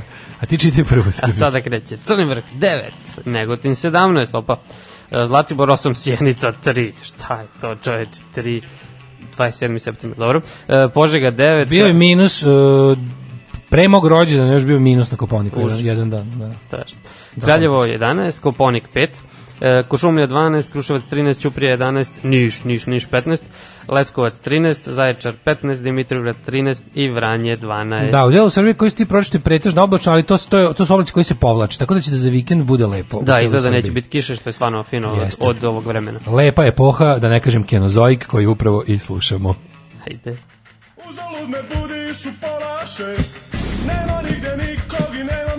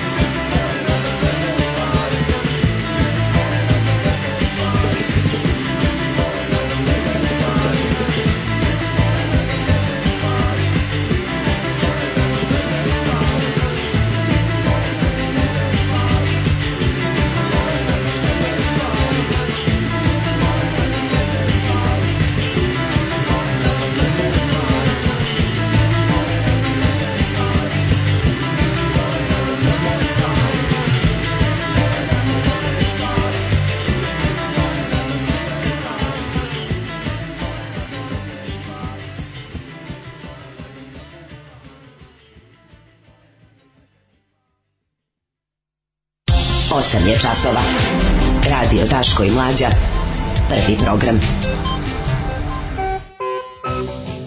8 i 19 ili u prevodu 8 časova. Da, ti, ti si stvorena za sve te stvari. Za, za sve te stvari. Pesmu znači, na A, za, za, sve te, za, za sve te stvari. na nailon, za sve te stvari da ih tako... Jesi ti na nailonđio? Nisam, nisam. Redko, redko idem. No, da, da, dobro je. Da, nis, ne, ne, ne mogu baš sve ko mlađa. Aj, ne, sad. da, da, da, bilo bi mnogo, to baš kažem. Ove, ovaj, Uh, bandijera se odnosi na igrača koji čitav život provede u jednom klubu, je to stvarno izraz kao za Pa u Italiji, da. A imaš, koliko primjera takvih ima? Jer to baš ne znam. U, u Italiji imaš ono... A pa- to je kao kod njih ono šta, pitanje ono časti. Pa nije, ali kao ima neka, redko ne idu toliko u inostranstvo, ne. Del Piero je skoro celu karijeru bio. Znam da vi Livornezi, otprilike, ono su svi, ono, tu, tu kod kuće, ono. Dobro, da su, oni, da, da navijači hoće da umru kad, kad mhm. ode neki, ono. Kako A da jeste, Luka, dobro, oni su mali klub, da, Lukarelli je bio, ali on je išao i on se vraćao. Sve kako je svašta znao u futbolu. Da, da, Lukarelli, ja znaš, jedina. Ove, ovaj, e, kaže, to ti važi za glupog, napisao je knjigu viceva o sebi, a dobit poklonio dečijim domovima. Kakav car čoč? Car. Pa ne, po pa ovo je pa najveći car na svetu. Da. Mislim da u svetu umre barem po jedan Patreon svaki put kad pustite Krla i Šapera. Ovo nisu Krla i Šapera, ovo su idoli. Pre svega, da se, pre svega idoli. To su pre svega idoli. E, otvarmo novine. Mhm. Uh -huh. Ja imam ovako čedomorstvo, čedomorstvo. Da, da, da, da, da. Kurir bolesno. to, da. Znači, e, ali mislim, mislim da jučerašnji dan svakako tema broj 1 je nastup našeg kastra. Naravno. Koji je juče ovaj, razvalio u praznoj sali. Znači, njegovi koncerti me podsjećaju na, recimo, koncerte mog benda u mestima poput... Uh, U nekim Karavukovo većim. ili recimo Nunšric. Šalim se, u Nunšricu ne, ne, imali masu, izvinjam. U ne, nekoj većem, ono, kad nastupiš. Najbolje je bilo, najbolje je bilo, u stvari Vučićev nastup me podsjeća na nastup mog benda u mestu koje se zove Eisenritz u Gornjoj Austriji, onoj planinskoj, gde smo sa lokalnim bendom koji se, ako se ne varam, zvao Blowjob Bastards, ovaj, nastupali u jedinom mestu gde može da se svira u tom, u tom seocetu, a to je nekim čudom bila otprilike rukometna hala. Aha, I, onda, ujdam. I tamo je došlo, došlo puno ljudi, obzirom da je to bio koncert obskurnih punk bendova u planini, došlo je 100 ljudi. Ali kad uđu u rukometnu halu izgleda kao da niko nije e, došao. E, tako je bilo. tako je ovo. I u Njujorku. I ovog je gledalo 100 ljudi, ali su bili u velikoj sališku u Skupštini Jedinih nacija, pa izgledalo kao da nije bilo nikog. Jeste. Odnosno u prevodu, kako se to kaže na prednječkom, bilo je krcato. no, na, da, u kuriru piše rešenje za Kosovo. Mislim, zasenio je Gretu Thunberg, jednostavno zvezda da. zasedanja. On, ove, ovaj, pa ćemo malo o tome. bananu pa ćemo malo o tome. Ove, ovaj, ima video, kako smo rekli, rad ranije se sreo sa Trumpom na 30 sekundi. Umro Žak Šerak. Šta još imamo tu? Čekaj, nešto još interesantno. E, bila je bila mi interesantna bila emisija na N1 gde su po, kao poče, počeo režim da šalje svoje ljude na N1. Aha, aha. Kao kad ih zovu, onda da, dođu. Čuo A pod svoje ljude mislim u krug ono Šorma za Đuku. Aha, pa da. Tako da, ovaj Imam ja ovde isto Evo Maldini, N1. Maldini celu karijeru bio u AC Milanu. Naravno, da, Maldini i njegov ćale i njegov sin je sad u Milanu. Stvarno. da. Je e, još, ne, još nešto iz pa da, Pa ima meni jedan, kaže, uh, kurir e, smenjuju Jugoslava sa N1. Žaklina Tatalović, kandidat da ga zameni. Hoće da unesu seme razdo. Da, da, da, da. da, da. Ove, slušamo Baboon Show, to svi vole. Ajde. Ima tople vode, ima. Ima.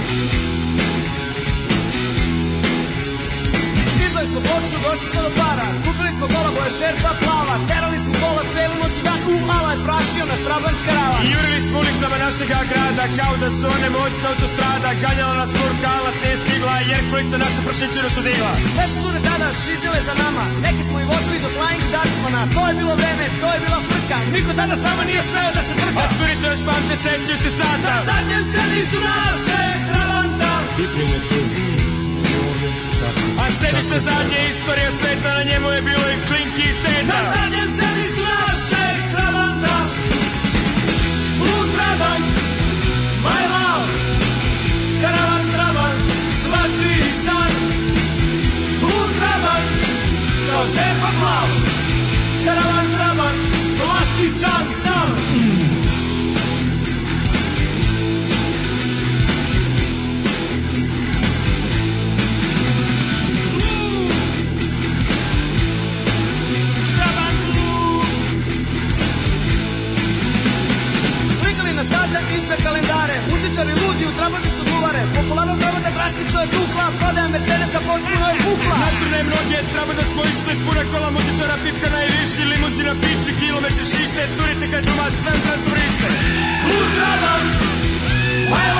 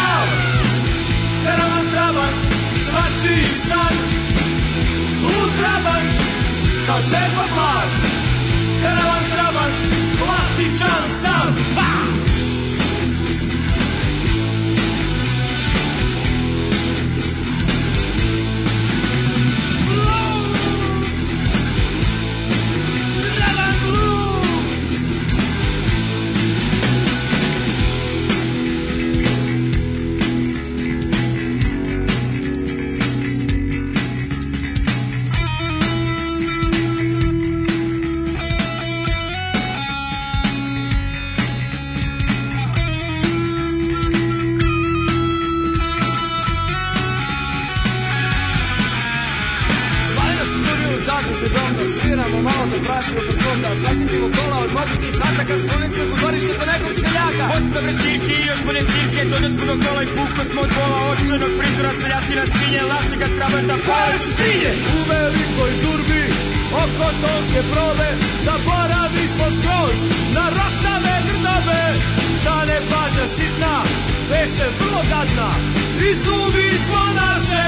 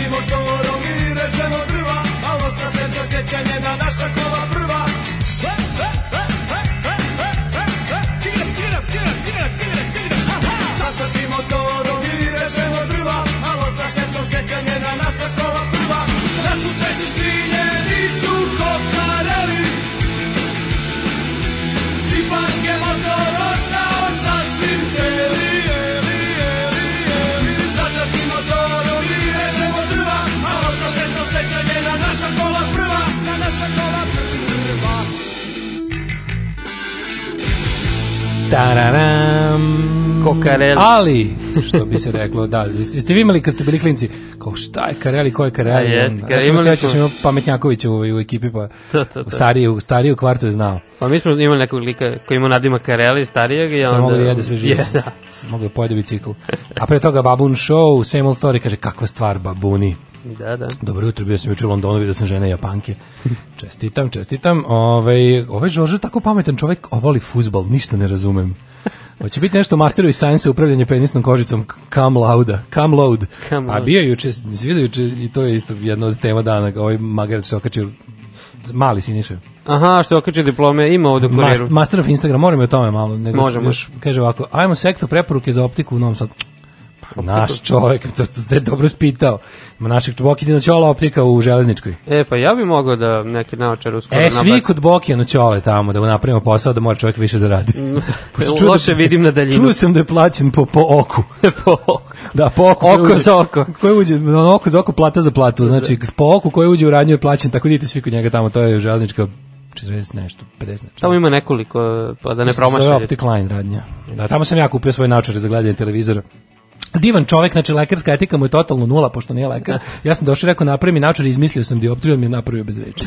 Što ni jedan pravi lekar ne bi uradio, rekao isti normalno, moram te pregledam. Ali ovako je bolje.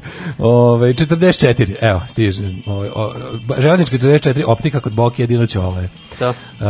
Um, naš naš čovjek u jedinoj naciji. Mislim mi isto imamo dugu istoriju ovaj, zasenjivanje Ujedinjenih nacija. Setimo se samo ovog Sunđer Boba. Da, da, da. Setimo se samo. Čuj me, Milošević nikad nije imao svoj moment in the sun. Pa nije, nije mogao. A baš čovječe, kako je bio svetski igrač u to vreme? Mislim, pravio ratove, zabavao se, ono, bio po švacu. Pa, malo bio pod sankcijama, pa malo, malo nismo ni bili članovi jedno vrijeme Ujedinjenih nacija, tako da. A i to, da, upravo si, mi smo izbačeni iz toga, nije mogao se obrati. Sad, da. zato naš ovaj, Aleksandar Vučić, Aleksandar Veliki, kako ga mi još nazivamo, da. ne makedonski. Ne autoput, ali... Ne autoput, uglavnom on je imao juče svoj, ali ti nema ništa lepše od režimskog izveštavanja Vučićevim međunarodnim uspesima. Ja sam prvo gledao to uživo, samo ti kažem. Gledao si, slušaj si govor? Da. Daj mi ono Ima... highlight, ja sam samo bukvalno minut. Ima jedno 15 minuta je trajalo. je 15, ja sam minut i ono izvuk, uh, sa, ne, jedan aplikacije sam sam uvatio, ono, njegove te, ono, posipanje pepelom, pa malo nisu Srbi krivi. Na YouTube pa ne je bilo live, o, live, oh. live stream. Ko, na YouTube je bio, če, na kom kanalu? Na, na, pojma na kim obskurni. Je postoji kanal Ujedinih nacija? Moguće, ne znam šta je bilo. Ne, da neko, da bar neko vidi. Neko linkovo, pa mi je skočilo. Znaš, ne, ne, ne, znaš šta je meni najbolje? Meni najbolje je to, to, to režimsko, to, to govnarenje, ali D.J. Vučićević, da te onako koje se jel, sad nekako uvrežilo među celu režimsku ono, aparaturu, bez obzira da li je elektronski ili štampani mediji, da.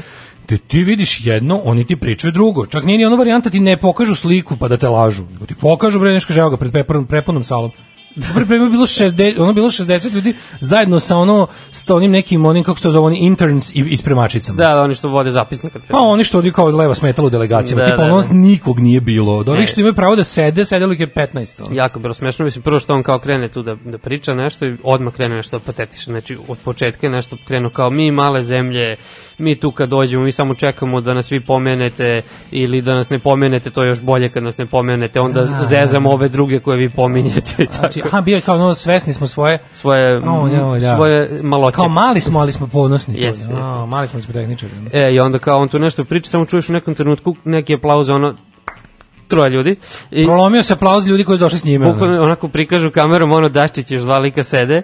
Nemoj me zajebavati. Da, da. Au, jebem ti to kad je reditelj nije RTS-ov, nego je UN-ov. To, i on kao pogleda pa da Vučić. ko su ljudi koji tapšu. Ono. Vučić onako polu prekorno pogleda kao, aj, dobro, vidite da nije Ka, to nešto. Nije se primio. No, ja, to se ponovilo još par puta. je kao loše, ja. ono, znači ono kada u američkom nekom filmu tinejdžerskom da kao neki lik koga stalno zajebavaju, odjednom ono kao kaže nešto pametno i sad sve umukne i onda kao neki lik koji je ono kao Krene, da, koji je zapravo arbitar popularnosti i da, kuloće, da, da, da, kao on skonta i krene prvi da kao tuf, tuf, to, to. E, tako, tako. Ali I da, svi se pridruže samo što da niko nije. Samo što Dačić nije taj, ovaj. Samo isto neprijatno. nije taj kolovođa. Kao nešto kao Dačić kao ustaje kao. Da ali niko. Ovoga puta, da, nije uspelo. Jo, majko mila. Ali ja sam meni meni bilo interesantno, uopšte nisam morao da se posvetim govoru da bi uživao u Vučićevom govoru. Da, da, da. To je lepota, jer kad imaš Pink i RTS i ove tabloide na portalima, njihovim to onda bude ali ali pre toga, pre toga je bilo najbolje kada je ovaj uh, uzeli su pa se nisu hteli da naprave nekako da, da, da uvežu hit ovog zasedanja, to je Greta, aha, aha. da uvežu s Vučićem, koji je bio ono predgrupa, predgrupine, predgrup, bio ono side show teški. Ono. Da, da, da. Znači, baš ono kao, bio je kao u cirkusu, ono, kad dođeš u velik cirkus, pa gledaš na kraju, ono, ono kad se cirkus postavi, nije čak ni u šatoru, nego u dvorištu cirkusa, iza ono liko i Nemam pojma, neš neki izvodi duva balon. Ne, duva balon. Jeste neka atrakcija, ali vrlo jadna, ono. E to je bio Vučić, razumeš kao tipa Greta je bila tetka na trapezu da, da. i bilo je što slonova i lavova, a Vučić je duva balone u, u dnu cirkusa, ono. I toliko ga ljudi gledalo. Znaš, on ima uvek neko kome to zanimljivo, a to su ljudi koji su da. došli s njime, da. I onda su pokušali da nekako ovaj da spoje to. Jesu ga pitali o Greti nešto? Ne, nisu ga pitali, nego su sami izmislili priču. Wow, alo, nadmašio. Ja, ja ne mogu da verujem kako taj čovjek koji je tamo pisao spava kako te kako te jebe, kako te bilo šta radi, kako nije sramot, kako živi u svom telu. Da. Znači, da, taj rekao, uzeli su ovakvu sliku, piše uh, e, Vučić kao pred Ujedinim nacijama kao 16 godišnja. Sve onako vest je napisana tako da nisu nigde rekli da je to ona, nego su kao da, da insinuiraju kako Vučić bio toliko važan da se on kao sreo s njom i da je čak i na, čak i na nju ostavio utisak. A ja, Da su napisali nešto tipa ono kao Vučić kao pred devojčicom od 16 godina s, to već sam, naslov me plaća. Sam Bog je kako nešto izmisli da ona za njega rekla da ga otprilike sam Bog posla kao i zaslanika koji će e, da reši probleme sveta i slika kao njega sa ženskom osobom dosta nižom od njega, tako je uslikano da ti misliš da su to stvarno Vučić, mala Greta sleđa ono i da on nešto njoj govori. Međutim, ono kao neko zna malo bolje, da zna prati Vučićeve nastupe, zna da to zapravo Gordan Uzelac sa Pinka, njegov, ja, njegov da, hemoroid, da, da, da, koji ni ne može da se odvoji od njega dalje koliko hemoroid može od čoveka, ako je baš jako istegljen. Ove, ovaj, i, i, I cijela stvar u susretu znaš kao, ti kaže 16-godišnji devojčica ujednaca, koja je to, jedino ova mala. Jedina, da. Međutim, ne, a, Alo to izbegne da kaže i onda izmisli priču. To tako je počelo, a nastavilo se sa prepuna sala. A, ja. a, ni, a, dobio, tri, dobio je tri put veći aplauz nego prošli put. To je, to je čak i on sam. To čak i nije merljivo. To je čak merljivo, on sam ali... kreten izjavio. Da kaže, kaže, ovaj, Dobio sam inače tri put, znači on je sedeo, on je sišao zbine, već je u glavi, u glavi ima ugrađeno ono merač jačine zvuka, vu metar, i sišao je dole i rekao, aha, ovo je bilo 76 decibela jače nego pre tri godine kad sam ovde isto bio ono matine program I to je već odmah zaključio. I još je znao odakle dolaze aplauzi. Pa to Dačića i... ne, ne, to to, to ste video. Ali ne možeš verovati svojim očima kad pa imaš dobro, Vučića. Pa dobro, čekaj, su objavili ono sastanak koji se nije desio, mislim. Ti, naravno, to ti, je, da. to isto bilo dobro. Ste pričali o tome? Nismo da, mislim ima ta duga tradicija srpskih medija. Ne, nego su u informeru napisali šta je sve odbrusio, ono šta će odbrusiti i šta pa, bi da, mogao... Pa su promenili. Da, u trećem, u trećem stanci kad je končao bilo šta bi, šta bi mogao... Ne, kao, šta, šta će odbrusiti, šta bi mogao i kao, treće bilo šta bi mogao da odbrusi. Da, da, da. da. Što, A, pošto neće, to svi sigurno Šta da bi bilo dobro an, da, da joj kaže, da, kada, ali meni se upršte sad u zadnjih nekoliko, gde god Vučić ide u inostranstvo, on ne govori, on grmi. Grmi, da, pa to je sad, grmi, pa to je sad kod klinaca izraz, ne znam da li si Kod Draža Vojvoda, ono. To sad klinci koriste taj izraz. Eh, pa baš pa dobro, ono, za grmio kao... znamo, to da, jeste, da, da. ono, mislim, stari narodni izraz, kad neko, ono, kao, slušaju, znaš, kao, tipa, grmljenje je neka kombinacija građenja sa ono izuzetno razgovetno i, i prodorno. Da, da, ali sad ali, neko se vratilo kod, a Vuči, kod sledećeg. Vučićev normalni govor. Vučić ovde, kao, ovde ovde nekako kad je kod nas ovde je malo blaži jednostavno pošto ali svet pošto svet ne neprijateljsko mesto da, da. takozvano inostranstvo koje da valja bilo bi u Srbiji. Znači, Vučić u inostranstvu jednostavno se prebaci na, na ono Thunder mod, na grmljavi na mod i zagrmljava. Ono, pa kad ne priča, samo grmi. Si čuo kako je završio govor? E ne, kako je Poslednje rečenice ima, da, kaže, Balkan balkanskim narodima, živela Srbija. Ujebem ti, Tito čovječ. I pokupio se i otišao. Čekaj, ovo je Tito, samo staviš ono što živjela Mic drop. da, mic drop. Mm. Elvis has left the building, da, otprilike, da, da. ono. O, majko Bože, kaže, toliko je zagrmeo da je tači hodniku ispustio smoki. Da. Znaš priču o tači u smoki? Znam, da, vidio sam. Dan pre nešto, toga je... Opet da- je nešto srao, kaže, šta je jeo, da nije jeo ništa. Da-, da, da, da, moram da ispričam nešto jako interesantno, da kažem što mora biti rečeno. Vučić je toliko loš bio u tom svom ono ovaj pa je on uglavnom znači dovoljno inteligentan da da ove kao mulce iz opozicije koji su stvarno ono zonska liga da njih uglavnom nekako ono što bi rekli reperi he owns them ono da, da. u principu ono može da ih hendluje da je uvek oni nekako u, u toku toliko pravi gluposti da ovaj lako ispadne ono i reči Sto i se, da. da. E, međutim, sad se desilo da čudo da Sunđer Bob je ispao veća faca. Što je Vučić pričao o tome kako ovaj, on ima badge za ulazak u Ujedinjene nacije, jer je on ipak predsjednik zemlje koja je priznata od strane Ujedinjenih nacije, dok Hašim Tači nema to, i zbog toga se šunja po hodnicima bez bedža za pristup, jede smok i pokušava s nekim da se uslika. I onda mu je Vuk Jeremić izjavio, moram da priznati, da bila dobra fora, Vuk Jeremić rekao, E, ja imam taj badge, jer sam kao bio predsjednik, kako onda kaže, predsjednik sveta, što je dosta isto socko, i ovaj, sama, ti, samo, samo određena titula, i bio je predsjednik Skupštine Jeste. i ima pravo na doživotno vrzmanje po jedinim nacijama sa tem akreditacijom. I rekao, imam pravo na taj badge. A što se tiče Vučića, njegov badge je bio i ostao onaj sa šešeljom. zavuku mu je, zavuku mu je sunđervo, mora nešto konkretno. Tako da je da. Vučić izgrmio juče, a mi slušamo John Para i St. Elmo's Fire. Nema bolje muzike od e, soundtracka za 80s akcijne filmove. Slažemo se, da, da, da. Šta je šljunkare? Gdje ste to krenule? Šta je? Šta hoćete od nas? Bil volila da znaš? A, Fuksu, šta ti gledaš, jel? Alarm sa mlađom i Daškom.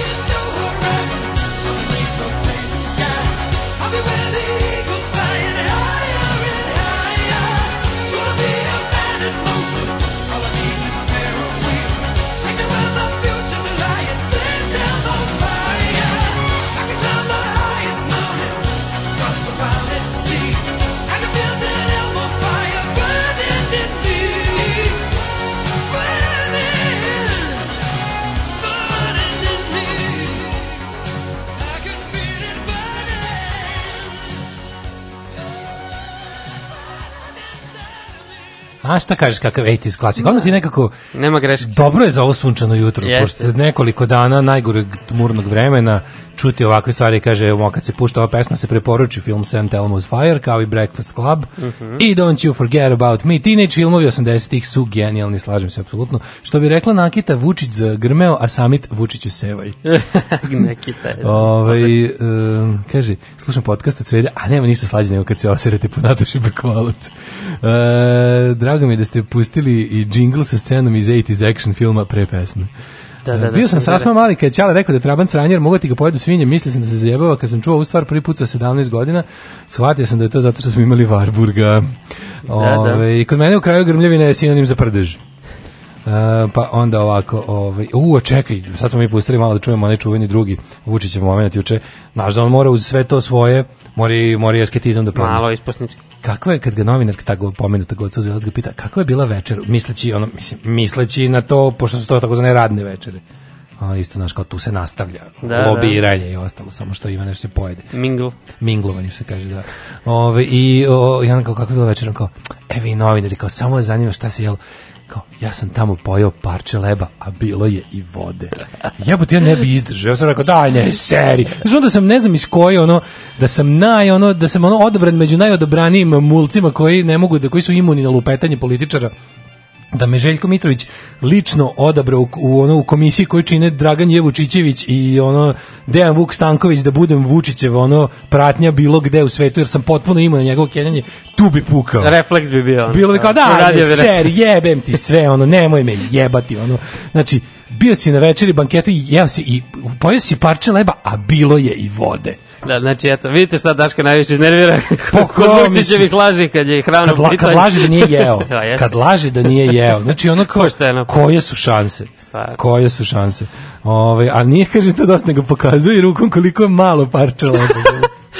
yeah, o, majko Bože, znači to, to, to prosto ne vreš, niko, znači... Baš jadno, da. Ali koliko on mora, znaš, pošto je okružen tim bahatenicima koji su ono u fazonu, ono, kradili sve što nije vezano, znaš, on nekako, ipak za njih je on Sir Oliver, ovaj ostao stvarno ono Jeremija oko njega. Ne. Da.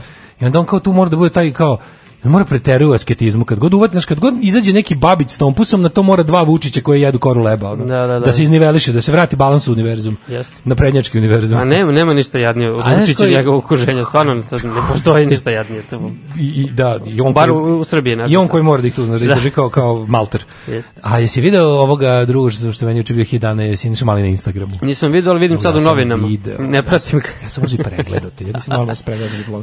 Šta je šta je uradio juče? Na svom ličnom Instagram profilu Belivu. Da. Ovaj je uzeo i okačio je kao sve, pazi, okačio je sve svoje priznanja i diplome. To je ono genijalno. Znači, dok se, dok se ono javnost opet konačno, ovi studenti su uspeli da vrate u žižu javnosti nešto što bi trebalo da bude dok se ne reši da, u žiži javnosti, a to je njegov ono krađa doktor, doktorata. I da ne zaboravimo i ministra Stefanovića. Da, ali ono kao, znaš, nek se svako, jel, samo okay, da, ume. fokusirali su se na ovaj njega. je bio toliko jadan juče, znači, to je stvarno, to je kao, on kao, kao da jedan kurs iz jadnosti, kao da ne možeš biti prirodno toliko ljigav, jadan i glup na kraju krajeva, nego kao da si uplatio neki ono kurs na neki tečaj na audio kasetama, ono United College za ljigavca najjadnijeg mogućeg. On je čokačio kao svoje, a to je najjadnije što, znaš, ono, to je tako jadno izgledalo da je on uzeo i ona nije čak koristio ni story ili one kao multipost, pa da staviš u, u, jednu staviš 10 slika, to može. Da, da, znam, da. Ne, on je majstor uzeo okači 10 različitih Instagram postova da je stavio sve svoje priz... Al to je bilo da. bukvalno što sve, svaki papir koji ikad osvojio, ono obuka neplivača, najbolji drug na testeriji, Znaš, bilo je bukvalno sve, ono, znaš, ono, dečija zelena nedelja, uh, skupio je najviše stare harte u borbi protiv distrofije i, i plus, a sve, znaš, da bi dobilo neki kao jak uh, kao ukus ovaj autentičnosti uglavnom su kao to njegovi iz njegovog američkog perioda kao A, universe ja ti što onda posle video znači bukvalno to što on okačio stvarno se ne to što on okačio imaš da naručiš na netu u istom obliku Postoji sajt fakediplomas.com. I samo upišeš svoje ime. Kojim pošalješ podatke i dobiješ poštom lepo urađenu diplomu koja je jedan kroz jedan.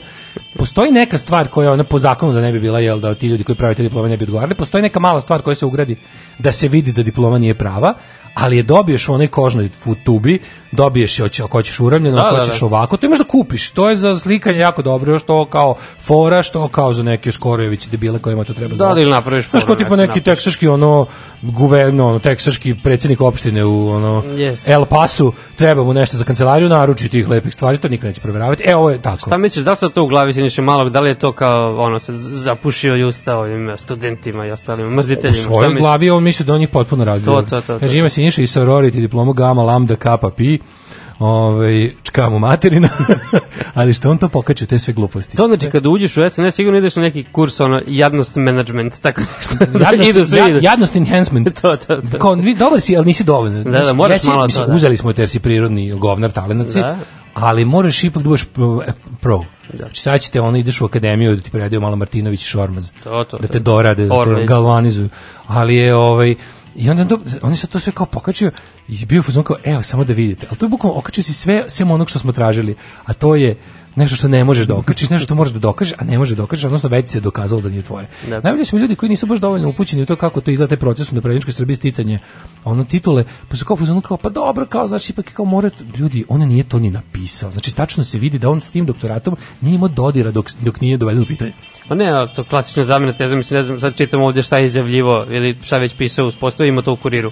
I sad, zašto ovo priča? Kao, iako možda netipično za studente, na fakultet sam redovno dolazio u odelu s kravatom. Idiot. Šta to koga briga što da. je bio kreten? Ne, da nam pokaže koliko... Ja sam, ja, sam, ja sam toliko student. A pazi onda. Ne, ja sam to toliko ozbiljno shvatao, da sam izgledao kret, kao kreten i kad ne moram. Da, kaže, osim diplome onda stigao je i prvi auto Bordo Opel Astra na poklon od roditelja. Mamuti.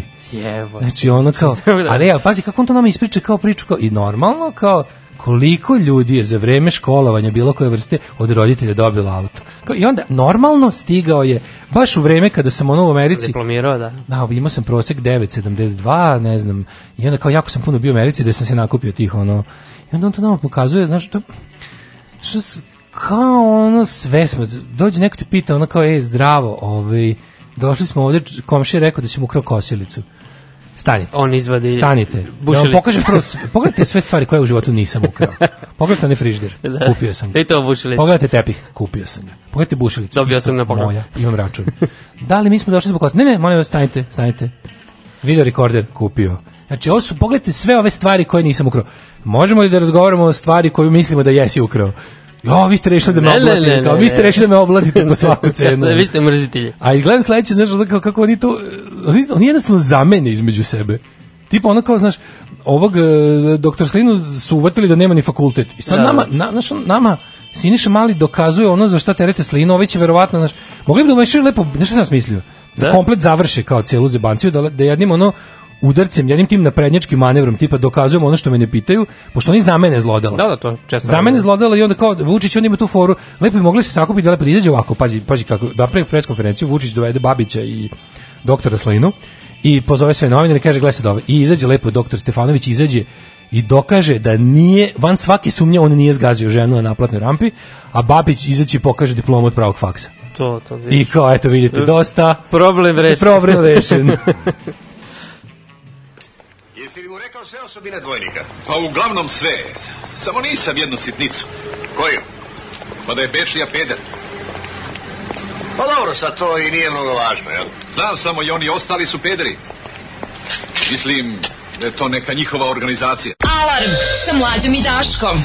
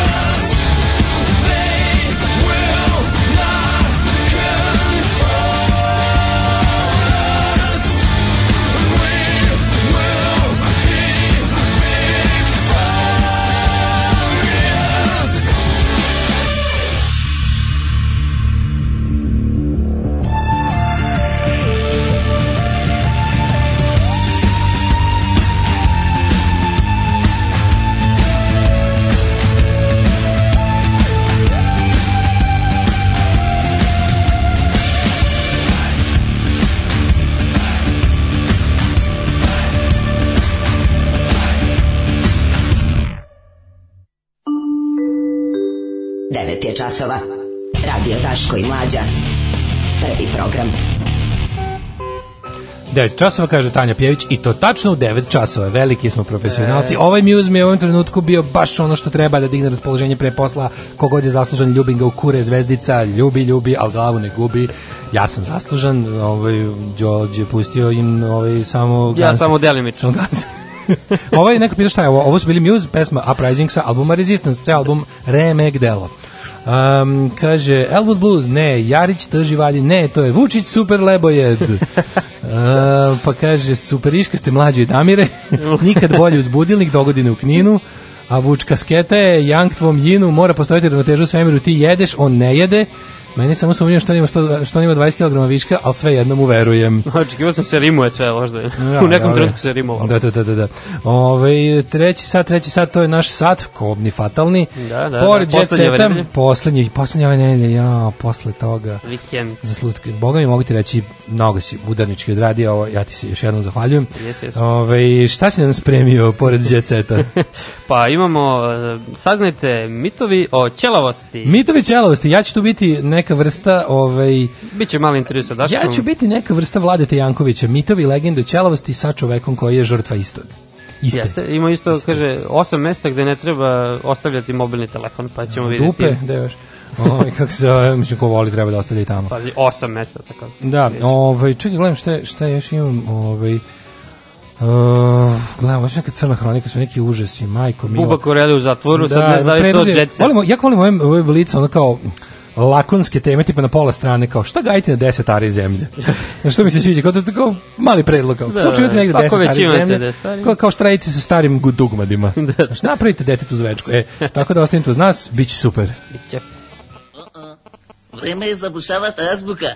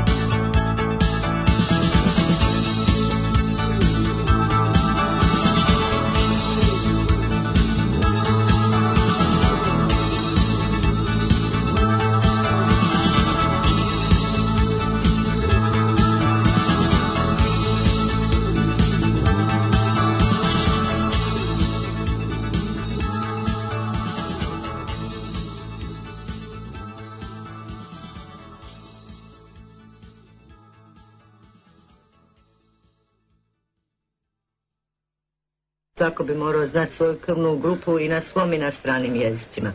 Koliki su umrli što nisu znali svoju krvnu grupu. Poslije su sebi kose čupali na glavi, ali je bilo kasno. Alarm sa mlađom i Daškom.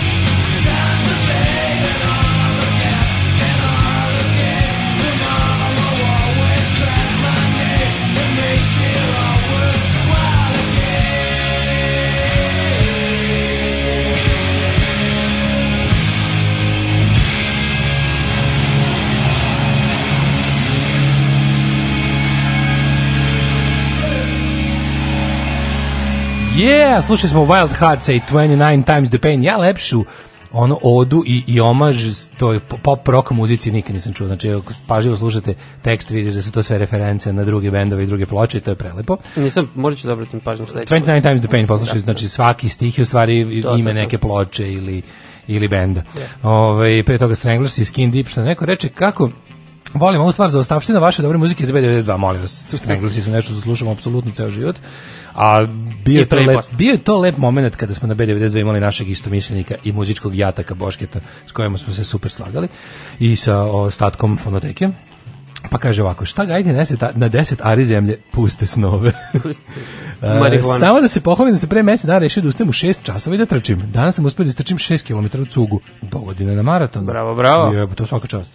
Što kako mi je drago kad neko uspe. To je meni kao Ja sam da probao to sedimo u nekom zatvoru i neko uspe da pobegne. Da, da, da. da Meni ne ide to, sam dosadno mi nekako. Jo, ne mogu, joj, da, majko. Sobni bajs mogu zato što kao možda mogu da gledam nešto. Seriju. Ja sam konačno, posle nekoliko godina, nekoliko, posle ono 5-6 godina, ono laganje sebe da da trošim taj ovaj sobni bajs ga prošle godine poklonio. E hoću ja sam. Pa super bilo. Hoćeš da pokloniš nekom. Stoji ti, ali lepe stvari na njemu možeš držati. Jes, pa ko će bilo kako. Jel to najskuplje, najskuplji ofinger koji si imao? Sigurno. Koje ma koje marke? Ne, Mislim neki baš dobar Kettler sa onim svim težom Nisam tuč. odavno sedao na njemu, ali da. Mm, ja sam imao baš neki dobar i ja znam da sam ga, kad sam stavio na Twitteru da ga, ovaj, da ga dajem i usliko ga, da je otišao za 7 sekundi. Evo, ja sad oglašavam poklanjaš. Poklanjamo. A? E, stvarno poklanjaš? Da. Evo ti, mislim, ako treba sobni bicikl, Đoli, yes. poklanja svoj. Javite se 066442266, pa da vas spojimo. Da. Uh, Iz kog kraja Niša, Đorđe? Možda smo nekad ukrstili neznanje u basketu ili futbalu, ako je oko učitelj tase, onda se sigurno, sigurno znamo. A, ja sam malo dalje od centra, trošarina. Trošarina, kaži mi, palila Panteleji, Medijana. Ima da. sve, ima sve. Ako misliš to iz Beograda, jel? Đolac, šta ti dođe ovaj za jutre? Mo, e, samo da znate, mo, ovo je nešto najpre svega. Mi kao ozbiljna tvrtka smo platili honorar mladom voditelju. Honorar, topli obrok, Topli obrok, regres. ladni obrok, putne troškove živi čovjek 600 metara odavde. Znači, panđetirat ćemo u cipela ako mu se izližu zbog toga. Tako da nije ovo samo dobra volja, ovde je, mi smo ozbiljni, ovaj, yes. kako se zove, korporacija bezdušna koja plaća. Ovaj da Pošteno. Stani, mladen je platio sebi 3 dana slobode, možemo se. Može se tako reći. Čovjek bogat radi držan za državni posao. o, ovaj, evo, javlja se neko ko će bicikl. A čekaj, kako ja, vidim, za to nije naš čovjek iz Surčina, moraćeš da dođeš po njega. Aha, iz Surčina. O, iz Surčina. Pa, stvarno je pretežak naziv. Da čujemo mitove i legende. Uvedi nas polako. Razbijamo mitove o ćelavosti. O ćelavošću. Da, kaže, dve trećine muškaraca će pre ili kasnije imati problem sa gubitkom kose, tako da znaš daš kod dve trećine. Ja sam imao pre, kasnije neću imati. Svi zajedno godišnji potroše ogroman novac na razne preparate i tretmane kako bi zadržali bare malo vlasi na glavi. Zašto ljudi povezuju kosu s dostojanstvom? Ja ne znam to. Da popuštaju bradu i tako. Pa da, da, Debi Varča pustio kosu na, na suprotnoj strani glave. Da. Kaže, iako naučnici već de, decenijama, ako ne i vekovima, pokušavaju da otkriju prave uzroke ćelavosti, nikako ne uspevaju tome. Daško, recite, Kako koja je vaša tajna? Moja, sad ću vam kažem, ja sam otkrio tajnu ćelavosti i, po, ovaj, i vladam njome, odnosno ta tajna ovladala mnome, ali ja moram ti kažem nešto interesantno. Ja nisam nekako, ja nisam gubio kosu. Mislim, ja nikad nisam vidio da mi nekad laka otpala. Mm -hmm. Pored tome što sam ja rođen sa redkom kosom, retko dobrom kosom, da sam da kažem. Ako postoje ljudi da, koji su da. rođeni s gustom kosom, ja sam rođen s redko dobrom kosom, više retkom nego dobrom. I ako pogledate moje fotografije iz djetinjstva na kojima izgledam kao dete koje se češlje petardama, vidjet ćete da tu je jednostavno ta moja anarhistička politika se odgledala i na mom temenu gdje svaka dlaka vukla na svoju stranu. Od malih nogu, što kaže. Pa nikakvo jedinstvo, pa ni kosmato nisam ovaj, ustvario. I sad ti vidiš jednostavno, a pazi, ja se šišam ovako, to, ja se ovako na ćelavo šišam od šestog osnovne. Mm -hmm. Kad sam se prvi put pankirski šišao na ćelavo, kad smo nabavili ovaj mašinicu, majko mi smo mašinicu, ono ručno. Znaš ti kako da, da, da, da, tuga, to je nešto najtužnije na svetu mašinicu na ono kupili i onda smo drugar ja jedan drugog šišali. Mislim, to ono kao, onda je fora da, ono, nadaš se da će ovaj, to nije uopšte bilo kao ono, da sam sebe izveštiš da što bolje drkaš tu mašinicu koju treba da ti treba da imitiraš električno, da, da što pre radiš rukom jedan ono, drugog ste vežbali caka, da caka, caka, da drkate mašinicu otprilike pa, pa mislim kao to renti onaj lik kolima što kad, kad čeka ajmo jedan drugom da, da ovaj, da drkamo da vežbamo mašinicu da, da, da. i onda ovaj, kad naučiš to konačno samo se pozvao ja nadam se da je ovaj bolji od mene jer će to značiti da će mene mene manje da, manje da kolje I onda kad krene, znači, to što je trajalo, jedno, šišanje jedne glave je trajalo sat i nešto, ovaj, zato što ti proziš tom ručnom kosilicom pet puta koja ne, da, da. onako da. radi, ono, znaš. I onda kad, je druga, kad smo se upoznali s drugarom koji imao električno, to je bilo... Aha. I onda se sve kolektive njegovu razrši. Dođemo kao bulazim, to njegov mašinici ne daje nikome. I onda mi tako dođemo kao kod frizera kod njih kući, zarolamo tepih da može parketa lako da se skinu dlake. I jedno mesečno svi dođemo ono kao jedan nas ono... Na ratko sirovina na sve olinde. Ono, to je bilo najbolje. I od tad se još išemo ovako. I sad, fore što ja uopšte onda nisam primetio, mislim primetio sam da te kose ima sve manje za šišanje. Da, da, da. Ali nikad nisam vidio recimo kao čovjek kao probudi se pa na jastuku vidi dlaku ili kao opereš kosu pa zapušiš slivnik dlakama. Ne, to moja kosa to nek je odlazila ko zna isparila. Ko zna kome i gde i zašto. Mislim, ja sam puštao Odlazila u Beograd da se ne pa da, rade. Što se otišla kao da, otišla sve u Beograd odlazi, pa je da, moja da. kosa. Mislim, ja sam puštao kosu i nije mi se vratila. Pa to, znači, evo, prvi mit. Prvi mit je da je e, da. ćelavost znak starosti. Dakle, to... Da, kod mene je bilo znak mladosti, recimo. A, kaže, naprotiv. Dakle, da. I nikad nisam, ja nikad mi nije, nijedan jedini sekund mi nije bilo se nisam osjećao kao zbog toga, kao ju, kao šta ću sad, ili kao, boli me dupe, nego se šišam ovako, kao, i nešto mi kao, ne vidim vezu između kao znaš sreće, dostojanstva, al dobrog izgleda i i i kaže, kosa. Drugi mit nošenje šešira ili kape postiče na gubitak vlasa. Da, to kaže nije tačno. Da, nije tačno. Mada da. ne pomažu. Ljudi su, znaš šta je for, ljudi koji su u vreme ono intenzivnog iđenja u vojsku po godinu i po dana da, da. su bili u fazonu kao da su od šlajma oće lavili. To bio samo e, izgovor. Ja, e, ja. Da, da, da. Ili je to bio samo izgovor? Pa evo kaže ko kosa opada od stresa, možda su od stresa u vojsci ali možda je to ipak malo češće no, da, nego... No. A čekaj, za nije odgovor, zar nije ono kao onaj, onaj kako se razlog koji svi mi ćelavi volimo da istaknemo, to je da smo mi, da mi imamo više testosterona i da testosteron da. ubija pazi, to je na poslednjem mestu, kaže... To je mit. Mit, ne, švaleri ranije nose kosu. No, pa ne, švaleri ranije gube kosu. Pa ne švaleri, nego, kako ti kažem, mi Peter Nortovi, mi koji proizvodimo više. kaže, apsolutno netačno. Kaže, pa istraživanja su pokazala da je nivo testosterona kod ćelavih i, obični, i običnih I muškaraca. ćelavih i potpuno. Dobro nisu opisali, no ćeli i lepih muškaraca. Nema razlike između ćelavih i, I normalnih. I normalnih, da, da, i normalnih, normalnih. I prihvatljivih. I, I oni s kojima bi se neko družio. da. Neko još ima između. Ima, kaže, od ugljenih hidrata se ćelavi, netačno. To je netačno, netačno isto. Netačno, možda još ugljenih. E, dobro je, hvala. Kosa opada od gelova iz prevozatke. E, moj drugar iz detinjstva najbolji je bio isto jako ran negde kad je ti otprilike mm -hmm. učelavio da. i on je koristio neke preparate ono tipa za maturu tako nešto bilo no, jako smešno no, mislim za, jako smešno za da. maturu je morao već da koristi nešto protiv ćelavosti da da, da, da, kakav car pa ja bi nisam baš tako ono da. ja bi morao recimo za Zvali ja bi morao za recimo absolventsko veče al za maturu baš ne ono. Ali čekaj, to je i to, to su svi mitovi. ih Uh, samo da da nisi baš neki e, to, to, to, stres. Sunce je krivo za sve. Sunce. E pa nije, kažem. Nije krunce, Oni koji sunčaju imaju pojedinake šanse da očelave kao i knjiški moljci. Što je bilo, malo si mi očelavio. Da, da. Ove, ovaj, kaže, lek za protiv ćelavosti je u Negotinu okolini jer ovdje ima puno vlasi. dobar, znači, dobar, dobar, loš. Uh, ja sam ćelavio kad sam pisao faks, knjige su mi bile pune kose sad se šišam kod Daško, a bio sam kod Sijandra. To, e. je, to, to je problem, znaš, mi koji smo nekako, kao koji ajde dobro ja mislim ja imam ma sam ja imam tu glavu za ćelavost da se razumemo imaš dobar dobar imam oblik. tu da imam tu glavu za ćelavost pa nikad mi nije ali oni ljudi što nemaju glavu za ćelavost jeste to može biti problem s ja mislim da ja ne bih bio dobar ćelavac nikako bio bi misliš bio bi sad ovako bio, bi da da o evo Alindra se ćela pa vidi kako izgleda da. ali znaš šta kod ćelavosti je važno ići u ekstrem kad vidiš, znači nema ništa gore od sakrivanja. Jeste, jeste, jes, znači, to, to, to mlađe imamo teoriju slažem, da. frizurak predsjednika kućnog savjeta, prebacivanje palačinke, da, to da, da nikako. Da, Znači, nema ništa gore nego kada čovek koji je dobio svetosavlje, koji je dobio, ili, mislim, posle dva tipa, ima istočničko je svetosavlje, a zapadno je e, franjevstvo, francis, franciskan moment. Da. To kada ti tu krene, kada moljac krene s te strane. Mm -hmm. Znači, ono, kada krene pa se sretne sa moljcem koji je krenuo u zaliske i onda je već, kako ti kažem, onda se tu stvorila već jedna lesna zaravan koja to, ovaj, aluvijalna terasa, terasa, kako se mi zove. Ovaj, uglavnom, ovi, ovaj, ti koji kad krenu, su onda kao u zonu, ne kao, znaš, tu ću nešto da smislim, da, da, da, ali da. ću zato da insistiram da ovde kao gde imam kose da ostavim, ne. Znači, fora kad ti krenu da ćeliš, uzmi lepo, i, uzmi lepo i šišaj se na ćelu.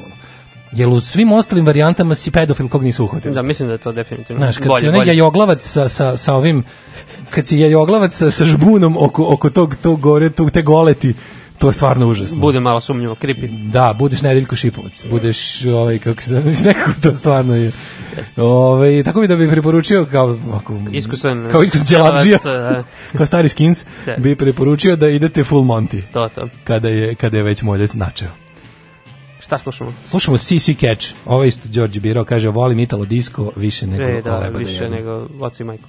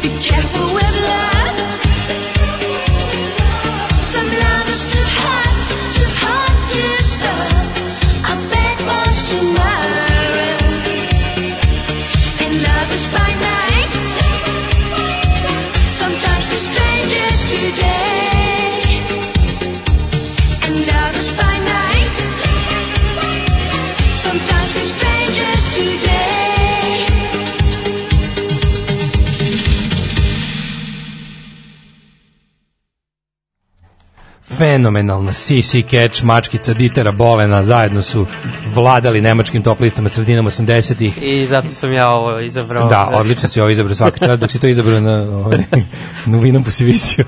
Ima ja, kad smo kod loših fazona, ali ima jako dobar Vlaško je posla iz svog kraja jedan. Kaže, a kad stidne dlake krenu da ti bele, to se kaže, sede vlasi na Kaže, eto, jedan autogol od mene. Ove, evo ja još ćelavim i nije mit da se ćelavac samo povezuje sa starošću, povezuje sa lošim genima. E. Kaže, protiv težom eugenike, ujka festerom, hemoterapijom, zezanjem u školi uh, i kikotom kada ljudi pričaju Uh, ehm, kada ljudi pričaju koliko para troše na šampone protiv opadanja, ali hej, Jordan je ćelav. Jordan ja, mislim, da- ja zapravo mislim da taj čovjek nije ćelav, nego da je priča nešto slično kao o, o ovoj sledećoj borazi. Uh -huh. Imam 45 godina, kose koliko hoćeš, nemam sede. E, ceo život se šišam do lobanje, nisam i znao da imam toliko kose, tek sad kad me mrzi da se šišam, otkrio sam to. A dva puta godišnje se oljuštim na nulu, čini mi se da sam tako neozbiljniji i mlađi. Misliš da je Jordan od tih? E, evo, imam višak testosterona i bujnu kosu, da li nemojte lažu, nemoj da širiš mitove. A, pa ja mislim da Jordan kad bi prestao da brije glavu da, da ima pa kosu. Ne znam, mislim, ali on je jedan od retkih tih koji nemaju bradu, nisu puštali bradu, na primjer, kao to. A, to, bradica, da, nije imao te. Imao je Jordan jedno, jedno vreme kad je bio na u penziji, kad se nešto bavio bejsbolom. Je se bejsbolom bavio? Da, dve godine igrao. E, to nešto. Onda imao onu prolivku. Sećaš se e, da imao mamu? Moguće, da, da. Imao, da. ja ga se sećam na onim kao nekim u civilstvu kad sam ga vidio. A da. kad sam ga vidio u delima, da, da, nekim da, happeningsima. Ono. Tu se sećam da je bilo, a ovi, uh, nego ja inače, mislim, će, ta ćelavost je, kad se gleda kao kod ono, kod jelo, ono kao ljudi tamnije put je manje zastupljena. I to njihovo insistiranje, jeste, jeste, i to, ali je kao to brijanje glave neki. Aha, misliš, ja mislim da, da to bi, ja taj, mislim taj da to, taj, taj fazon to kao izgledanje rebe, da je to neka politička poruka iz 60 da, da, aha, da su aha. ekipa oko Malcolm X-a bili Jel? prvi koji su iz reda, bili neki ono crni skinci Malcolm X. Da, a viš Muhammed Ali se nije da, brio. On nije, da, ali da, da je to bila fora, da je to bio neki rebel fazon. Moguće, moguće, da. Da su tad počeli pa su onda preuzeli ova ekipa oko ovi hip hoperi da, pa, da, pa da, sportisti okay, pa da, da, da, moguće, moguće. Ove, da, tako da sad kad smo e sad pustili... Sergio profesora mog iz srednje škole koji kad nešto ne naučimo on kaže šta je bilo našte dlaku u knjizi pa vam bilo gadno da, eto, pa neko se rekao da na dlaku u knjizi kad je na faksu, na faksu da, počeo da se muči to, to, to, to mi podsjeti idemo dalje E, idemo, hoćemo da vidimo, ovo je jedan tekst koji se... Jako volim te nabrajalice tekstove. Da, ali ovo se često, na svaki par meseci se pojavi jedan ovakav tekst u novinama. Nešto, kad smo mi radili CKM, imali smo varijantu da, kao, imali smo uvijek varijantu, to su svi znali u redakciji, kao, kad radimo onda kao, treba nam broj za naslovnu. To je značilo, treba nam broj za naslovnu, je značilo, uh, treba nam neki članak koji ima formu nabrajalice, zato, što, zato što je po našom, kao izmišljenom pravilu, ja znam da li to je bilo po licenci CKM, da smo i to sami izvadili iz bulje, ustavilo se kao pravilo što od prvog broja da mora da postoji neki, ne, neka cifra to je na naslovnoj da, da. strani kao da. dobro izgleda. Yes. I onda neki broj, sve najsmešnije što nekad kao da se još ne ponavljaju broj. Mm. Prošli put smo imali 7 nečega, daj sad 12 nečeg, daj to, sad to, to, 500 nečeg. 12 apostolova. Da, kao znaš, i znam da je to bilo kao naše pravilo, pa mi zato zato od tad mi je ostala ovaj ljubav prema tekstovima na brajilicama. E, pa ovo su osam mesta gde ne bi trebalo ostavljati mobilni telefon. Prvo mesto. Ipak zrači, kaže. Ja, ipak zrači, ne mogu. Ne zrači, zra, stvari zrači. Pa zrači, kao i sve što radi. Pa naravno. Oh, Prvo mesto, nikad ne nosite mobilni u džepu kako to lupa, nego gde da ga da nosim. Mislim, pogotovo leti i tako, ono, kad kako idem to, negde, znači, gde ću ga, da, da ga nosim. Kako stvari dokazane, ono, van svake sumnje, ono, trostruko slepim testovima, otprilike.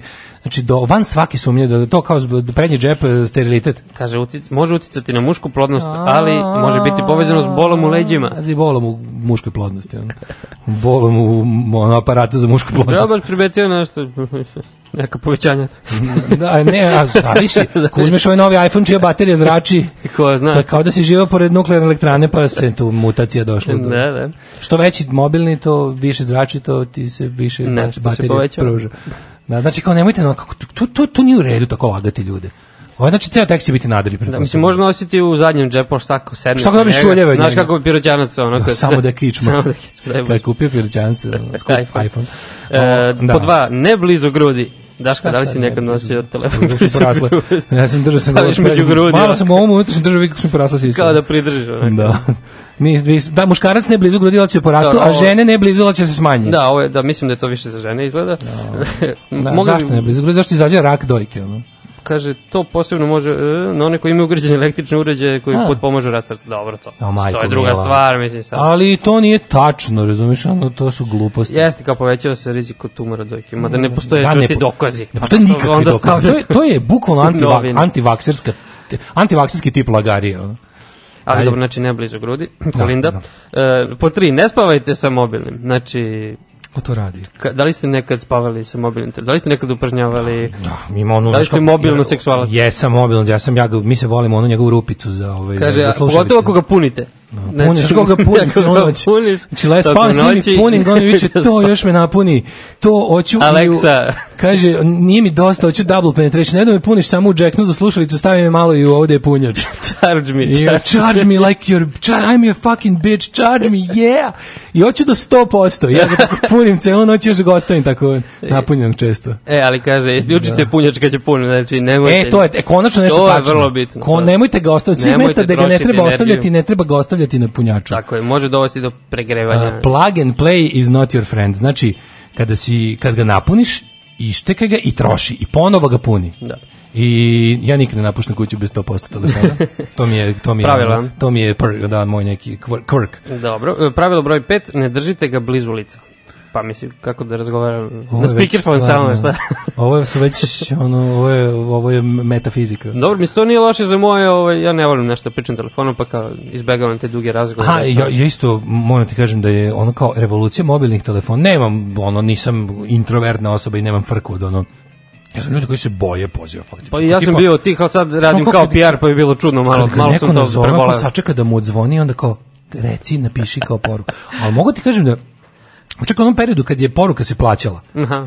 Ja sam volao taj period jako su ljudi bili koncizni. Jeste, jeste. Gledali su da sve što imaju da kažu stave u tih 100 nešto da, karaktera. Da, sad ono tri poruke ti pošalju za Sad ono nje nje nje nje nje nje nje. nje, Messengeru, da, da. A sad kad je džabe i kad je opet, opet su se malo raspi, raspilavili, malo su postali kako ti kažem, stok, malo gnjave. Malo gnjave kao kad pričaju, znaš. mogli bi se opet nešto uvesti neki limit, ono. Da, da, da. Dalje. E, šest, nikako u kasetu auta. To je ono, zato što može se pregreje, bla, bla, bla. Da. Mislim, dobro, ja ne, ne vozim. Pa, mislim, što bi ga tamo držao. Mislim, moji ljudi jako zanemaruju A to mobilnost kao... mobilnog telefona. Da, prvo da, mobilnost. Malo je nekako zatiru. Što bi ga ostavljao u kasetu, a sad će ima na mobil. Možda da, ako da. imaš kao tajni mobilni telefon. Ono pa Mislim, meni, kako meni idu na živce mesta koje glume ozbiljnost ima što ti kao imaju preškraban mobilni na zidovima. Kako mi to nervira. kao dok čekaš, znaš, dok čekaš red u, za bilo šta u supu. Da, da, da, u tim kao državnim, isto vojnim institucijama. S preškrabanjem možeš. Zašto? Aj mi mm. sad objasni šta si ti time dobio. Šta ti imaš od toga? Pa naravno da će drnda mobilni kad ste napravili da moram čekam bilo šta 4 sata. Najbolje da ostavim sad mobilni ono u kaseti kola i da dođem tu i da brojim pločice. I da on bude prekretan. Mamu vam. E, ovo je da isto ne telefonom na sunce, dakle iz istih razloga može doći do oštećenja ekrana ili baterije i tako dalje. Pa dobro, mislim, to, stvarno to primetio par puta da mi ono na letovanju da odlepi telefon da nešto. A znaš da sam ja primetio tužno kod mog super iPhone kad sam prešao da budem jabukar. Da, kažete, jabučar, kažete, vlasnič On je toliko neume, na, znači prvi meki već oko 2 stepena počinje da repuje, Aha, zimi. a na minus, na najmlan na slabijem minusu već da umre odmah. Meni Isprazni baterij umre. Telefon mi se, ovaj, sat mi se na telefonu stane kao. na Androidu? da, da, stane. Pa ali ne, kao u principu dobar Android sa ne znam kakvim, kao neki Androidi novije generacije se mnogo bolje ponašaju na ladnoći od Apple-ova novije generacije. Apple je baš tuga za zimu. No, prilike, ne možeš ono kao naš da ideš uh, kad je neka prava zima ovde, da, da. ne možeš da ideš i drndeš telefon po ulici, ali će ti riknuti za minut. Da, da, moraš, šta više, moraš i dobro da ga ušuškaš to kao da ga staviš blizu sisa ili, da, da, da, ili da, jaja, da, e, vidiš, negde da je toplo, negde da, znači, da, da biraš.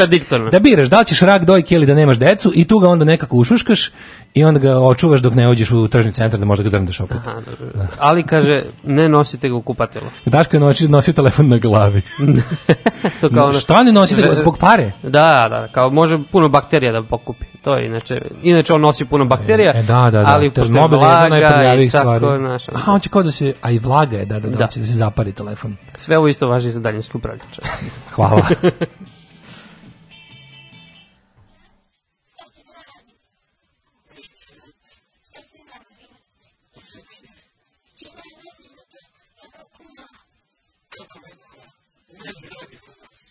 Alarm sa mlađom i Daškom.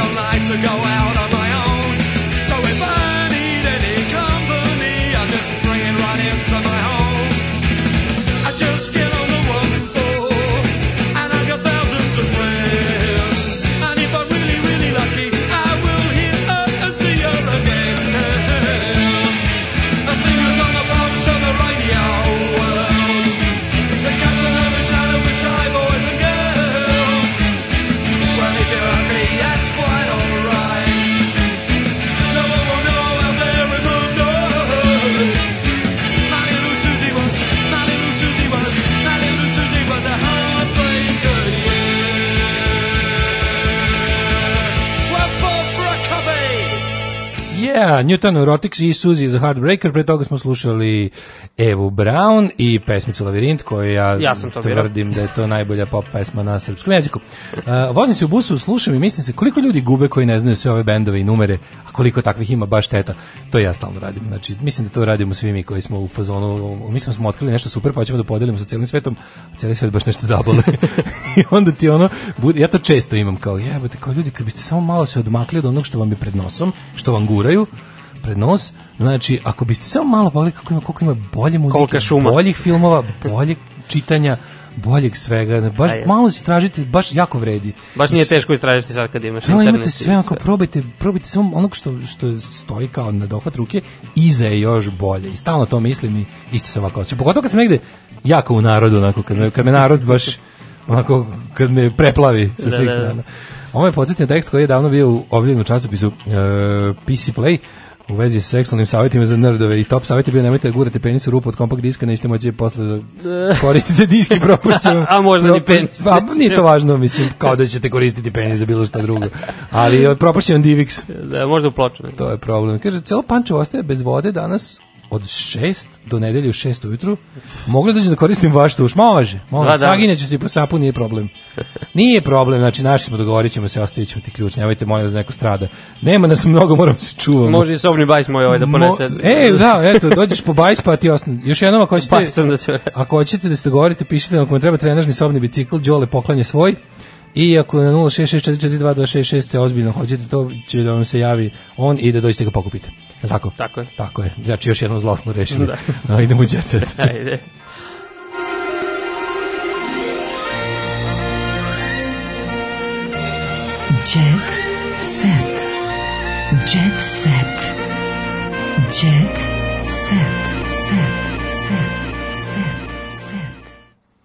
O, pardon, čekaj, opet sam napravio staru grešku.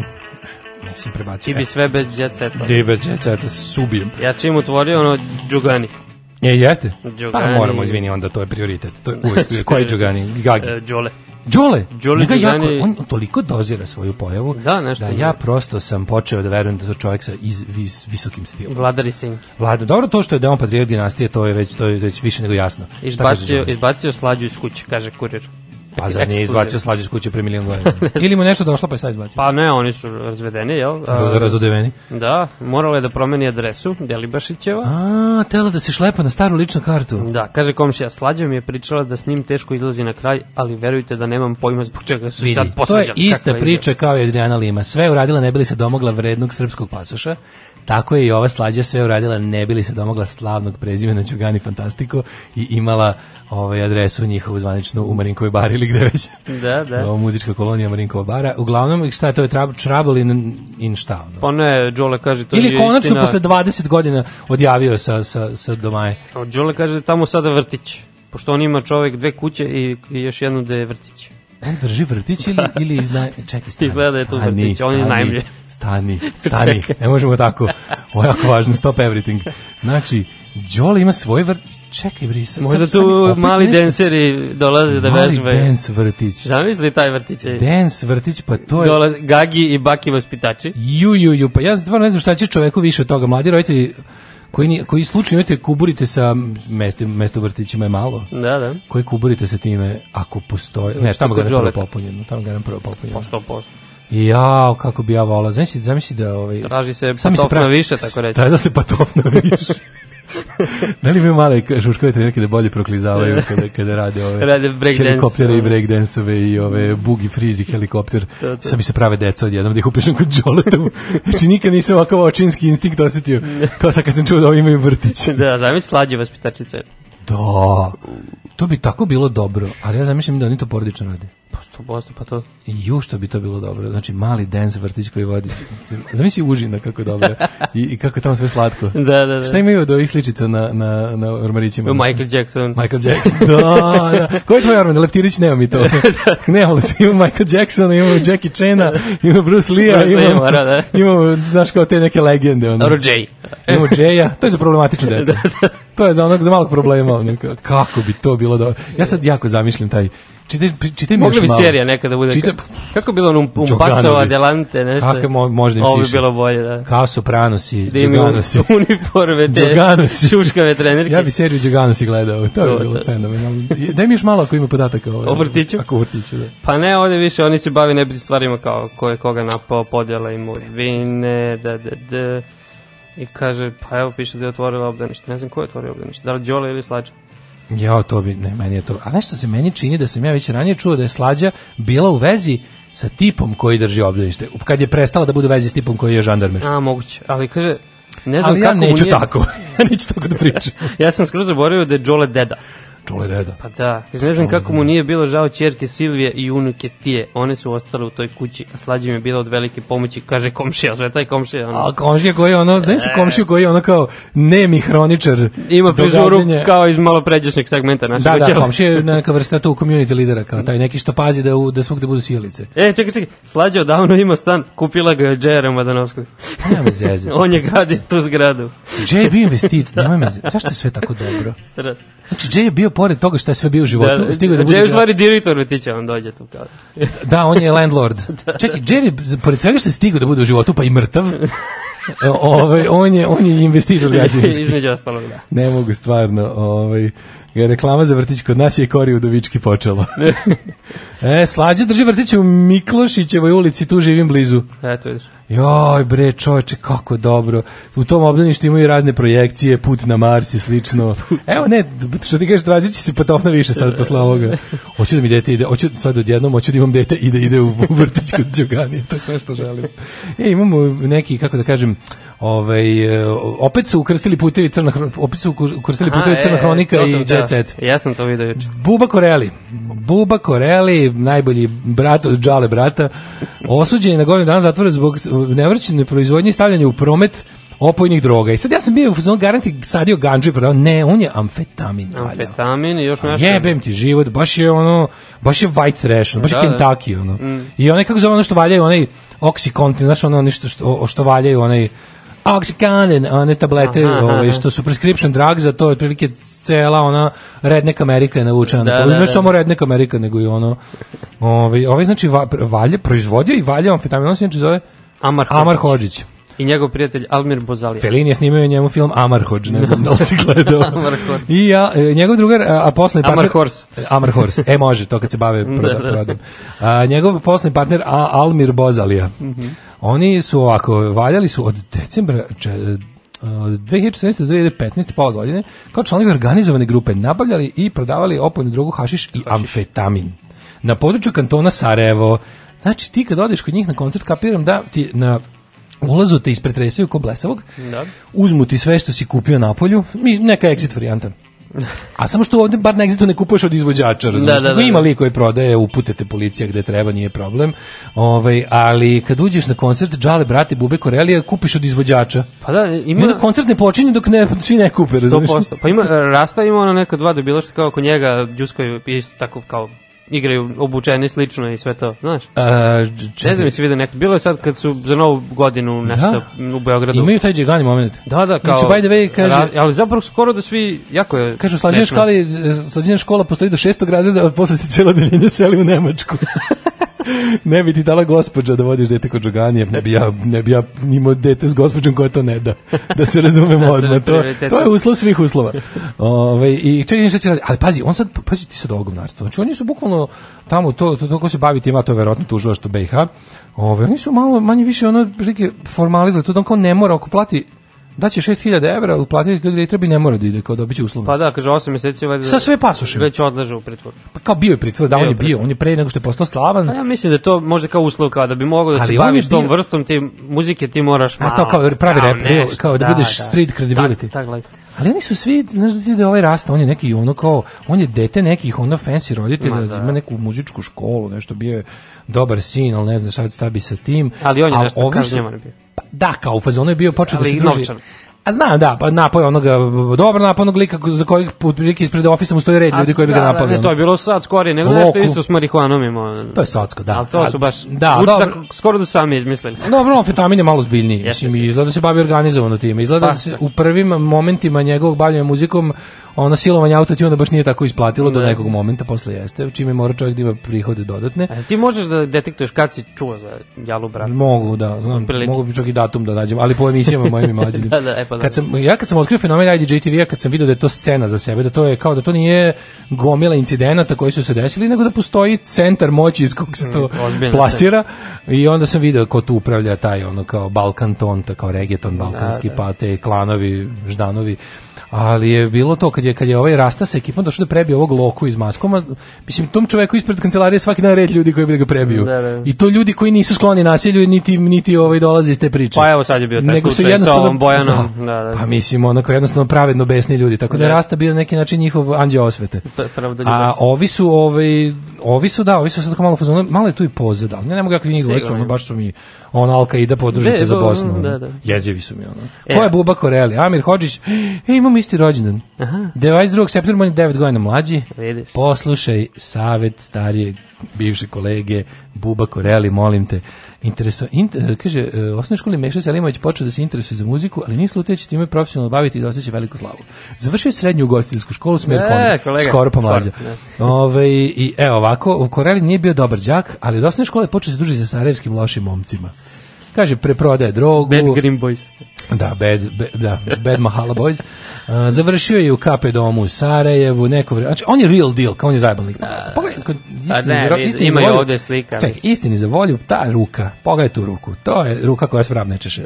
Pogledaj tu ruku, tu zgloba nema, razumiješ? To je jednostavno To se udaralo o tvrde predmete ceo život. Mislim bitan ga je pravo. Yes, da se yes. ne lažemo i izgleda kao da je ono, znači da je malo stariji bio bi ono pajtaš Juke prazine. To, da, to, da, to. Da, Pogledaj ga, znači viđen za nekog ono pukovnika armije BiH 93. Yes, ono, baš, baš. Ali se prekazno rodio na svu sreću. Ove, ovaj, sa tim ovim, kako se zove, isto satom za da, da, da, da, za oštećivanje, oštećivanje ono viličnih kostiju. Ne, bitan ga je stvarno. Nekako mi je veći, ovaj, malo mi je na toj skali street credibility mnogo ispred raste Aha, i, i ovih naših da, da, da, da. fićfirića da, koji se guraju. Koji se na silu, ono kao, tipa sad kad smo napravili pare, sad ćemo ono, bukvalno bi da platim nekom da, da, da ga ih kriminališem, da se posle priča da sam bio krimos. Da, da, da. A, šta imaš još? Pa imam Darubu Omaru, ja ne znam, mislim da ne, pa, ne zobila. mi to preskakati. Kaže, umalovno kutirala trenera. Darubu Omaru je počela da trenira boks. Posle toga imam najjadnije nešto u svetu. Ove... Ovaj- ne, kaže, pevačica, znaš da ona voli da objavljuje na Instagramu i svašta? Jeste, nešto je greškom. Ja, ja, volim, ja, ja sam jako ponosan na sebe što sam bio prisutan na Instagramu u trenutku kad, u je, kad je ona izletela. Nije to bio live. To je bio umesto ono, Aha, umesto je. send u da, inbox da, da, da, je bilo publish story. Yes, yes, yes. Ono kad, je, kad smo vidjeli krenike. Da, da, da. da. Pa ne, kaže ona, ovaj, Dara je bila u full opremi, imala rukavice i helanke, moramo to vidjeti. Šta je full oprema za Daru? Strepa za, za boks, za boks. A, dobro. Kako bi lakše mogla da podiže noge i tako vežba udarce. E, Buba Mara se pred kraj snimka koju je postavila na Instagram od srca nasmijela, a nakon žustih pokreta levom pa desnom pesnicom, a zatim i nogama folklika je prešla na sprave u teretani. Pa prešla na sprave. Fakomat.d. E, Đorđe David otkriva za kraj. O, moj kolega. Za kraj, ba, jo majko mila, on je baš mislim on treba da se zahvaliti srpskoj naprednoj stranci što mu je omogućila da svoju jadnost podigne na novi nivo. Čim je bio samo jadan, sad je mega jadan. Institucionalizovano. Sad je, sad je, da, sad je, sad je njegova jadnost celoživotno podignuta na nivo performansa. Znači, da ne znam da je stvarno jadan, mislio bi da je on projekat Marina Abramović. Umalo da mi oduzmu dozvolu zbog brze vožnje. Ono, I nadam se da je, ovaj, pošto je vremenima pre nego što se učlanio i pre nego što su počeli da ga... Pa zato što suda dolazi za 5 minuta, zato, zato mora... Dolazi da, za 5 minuta golfom dvojkom. Tako je, zato mora brzo I, i da točilo žulje. Da. Sad ne znam da li je time uspeo da napravi ovaj, suludu brzinu, ali ono kao, Đorđe David ima problema s parkingom. Ona kaže, to njegov problem, te zbog toga kasnije iz parkinga uvijek imaš problem, regulišem ga tako što sam srpljiv, pa kružim oko mesta da treba da se desi zločin. Vraća se na mesto. baca ovako jadne fazone? Zašto si rekao na mesto da se desi zločin? Zašto trošiš bizmarkove ženke? Zašto si tako jadan? U 90% slučajeva kasnije zbog toga vezan sam za auto, svi smo vezani za auto i mobilni telefon, robovimo tim napravama, iako on verovatno ga i prave vrednosti, neku drugu muziku. Uh, kaže ovako, ovaj, svako ko kaže da mu policajac nije progledao kroz prste, pa se njemu, znaš njega koji, koji objašnja policajcu da je poznat policajac. Da, da, da, da. da. Onako čeka da ga ovaj kao pita, izvinite vi, a pa ja sam znao... Malo sam pa, pa- sušišao, pa da. Pa ga gleda kao, znaš, kako procenjuje policajac, pa, ovaj rocker, da krenem, da krenem, da, da, da lažem da sam u generaciji 5, dok mi su izbacili, da li je možda, da nije možda... Zvezda Granda da nije da- možda ljubitelj, ili da nije možda ljubitelj obskurnih filmova iz 80-ih, pa kaže da sam glumio u Groznici ljubavi. Da, da. Ovaj najčešće je bilo zbog prekoračenja brzine, ludje, kaže imao sam, tad mi je pala klapna i rešio sam da prekinem da se budališem. Da se budališ. Sve toga sam bio pobešnio Maksim. A, a sad zovem e, Veseru da se Kaže, e, ovaj, čovek uopšte nije hteo da čuje bilo kakvu priču da žurim negde, što sam više u tu priču ulazio, bio je oštriji, prekoračenje bilo blizu oduzimanja dozvola tri meseca došao sam na sud, dogovorio se s njima da mi neće uzeti dozvolu, pošto mi je bio prvi put, znači, taj rock and roll život, Kaže, takvi smo mi, kad nas udariš po džepu da vidiš kako kapiramo. On koji... Takvi smo mi Srbija. Znaš njega koji je u 50. godini prvi put kupio ono Rio Mare, što se meni još nije desilo. e, kaže, nije Koreli, nego Okoreli. Okoreli. E, o, da ti se zafalim iz dubine od moje duše, hvala ti što si bio više nego dostojna zamena. Ovaj uvek ćemo te rado pozvati kad god neko od nas bude falio. Kad god neko ide u inozemstvo, sebi si, to sebi vam si, želim. Sebi si kupio, kako ti kažem, sporadičnu nesreću ovim eh, svojim kvalitetnim angažmanom. Tako da ovaj ponedeljak se slušamo ove, ovaj, u redovnom sastavu, Sa a da eh, ja bih samo da vam se zahvalim što nas podržavate i da vas pozovem da nas i dalje podržavate na patreon.com kroz Daška i Mlađa, eh, na Paypalu, tamo imate dugmence na našem sajtu u vrhu, imate i nama uvek dragi račun u OTP Vojvođanskoj banci, pa tako da rešite kesu, a mi vas pozdravljamo, ljube vas uh, Daško i Đole, a ja ću se sa mlađom već nekako slaći. Ćao. Ćao. Oh, Tekst čitali Mladin Urdarević mm, i Daško Milinović. Ton majstor Richard Merc. Realizacija Slavko Tatić. Urednik programa za mlade Donka Špiček. Alarm! touch my tra-la-la.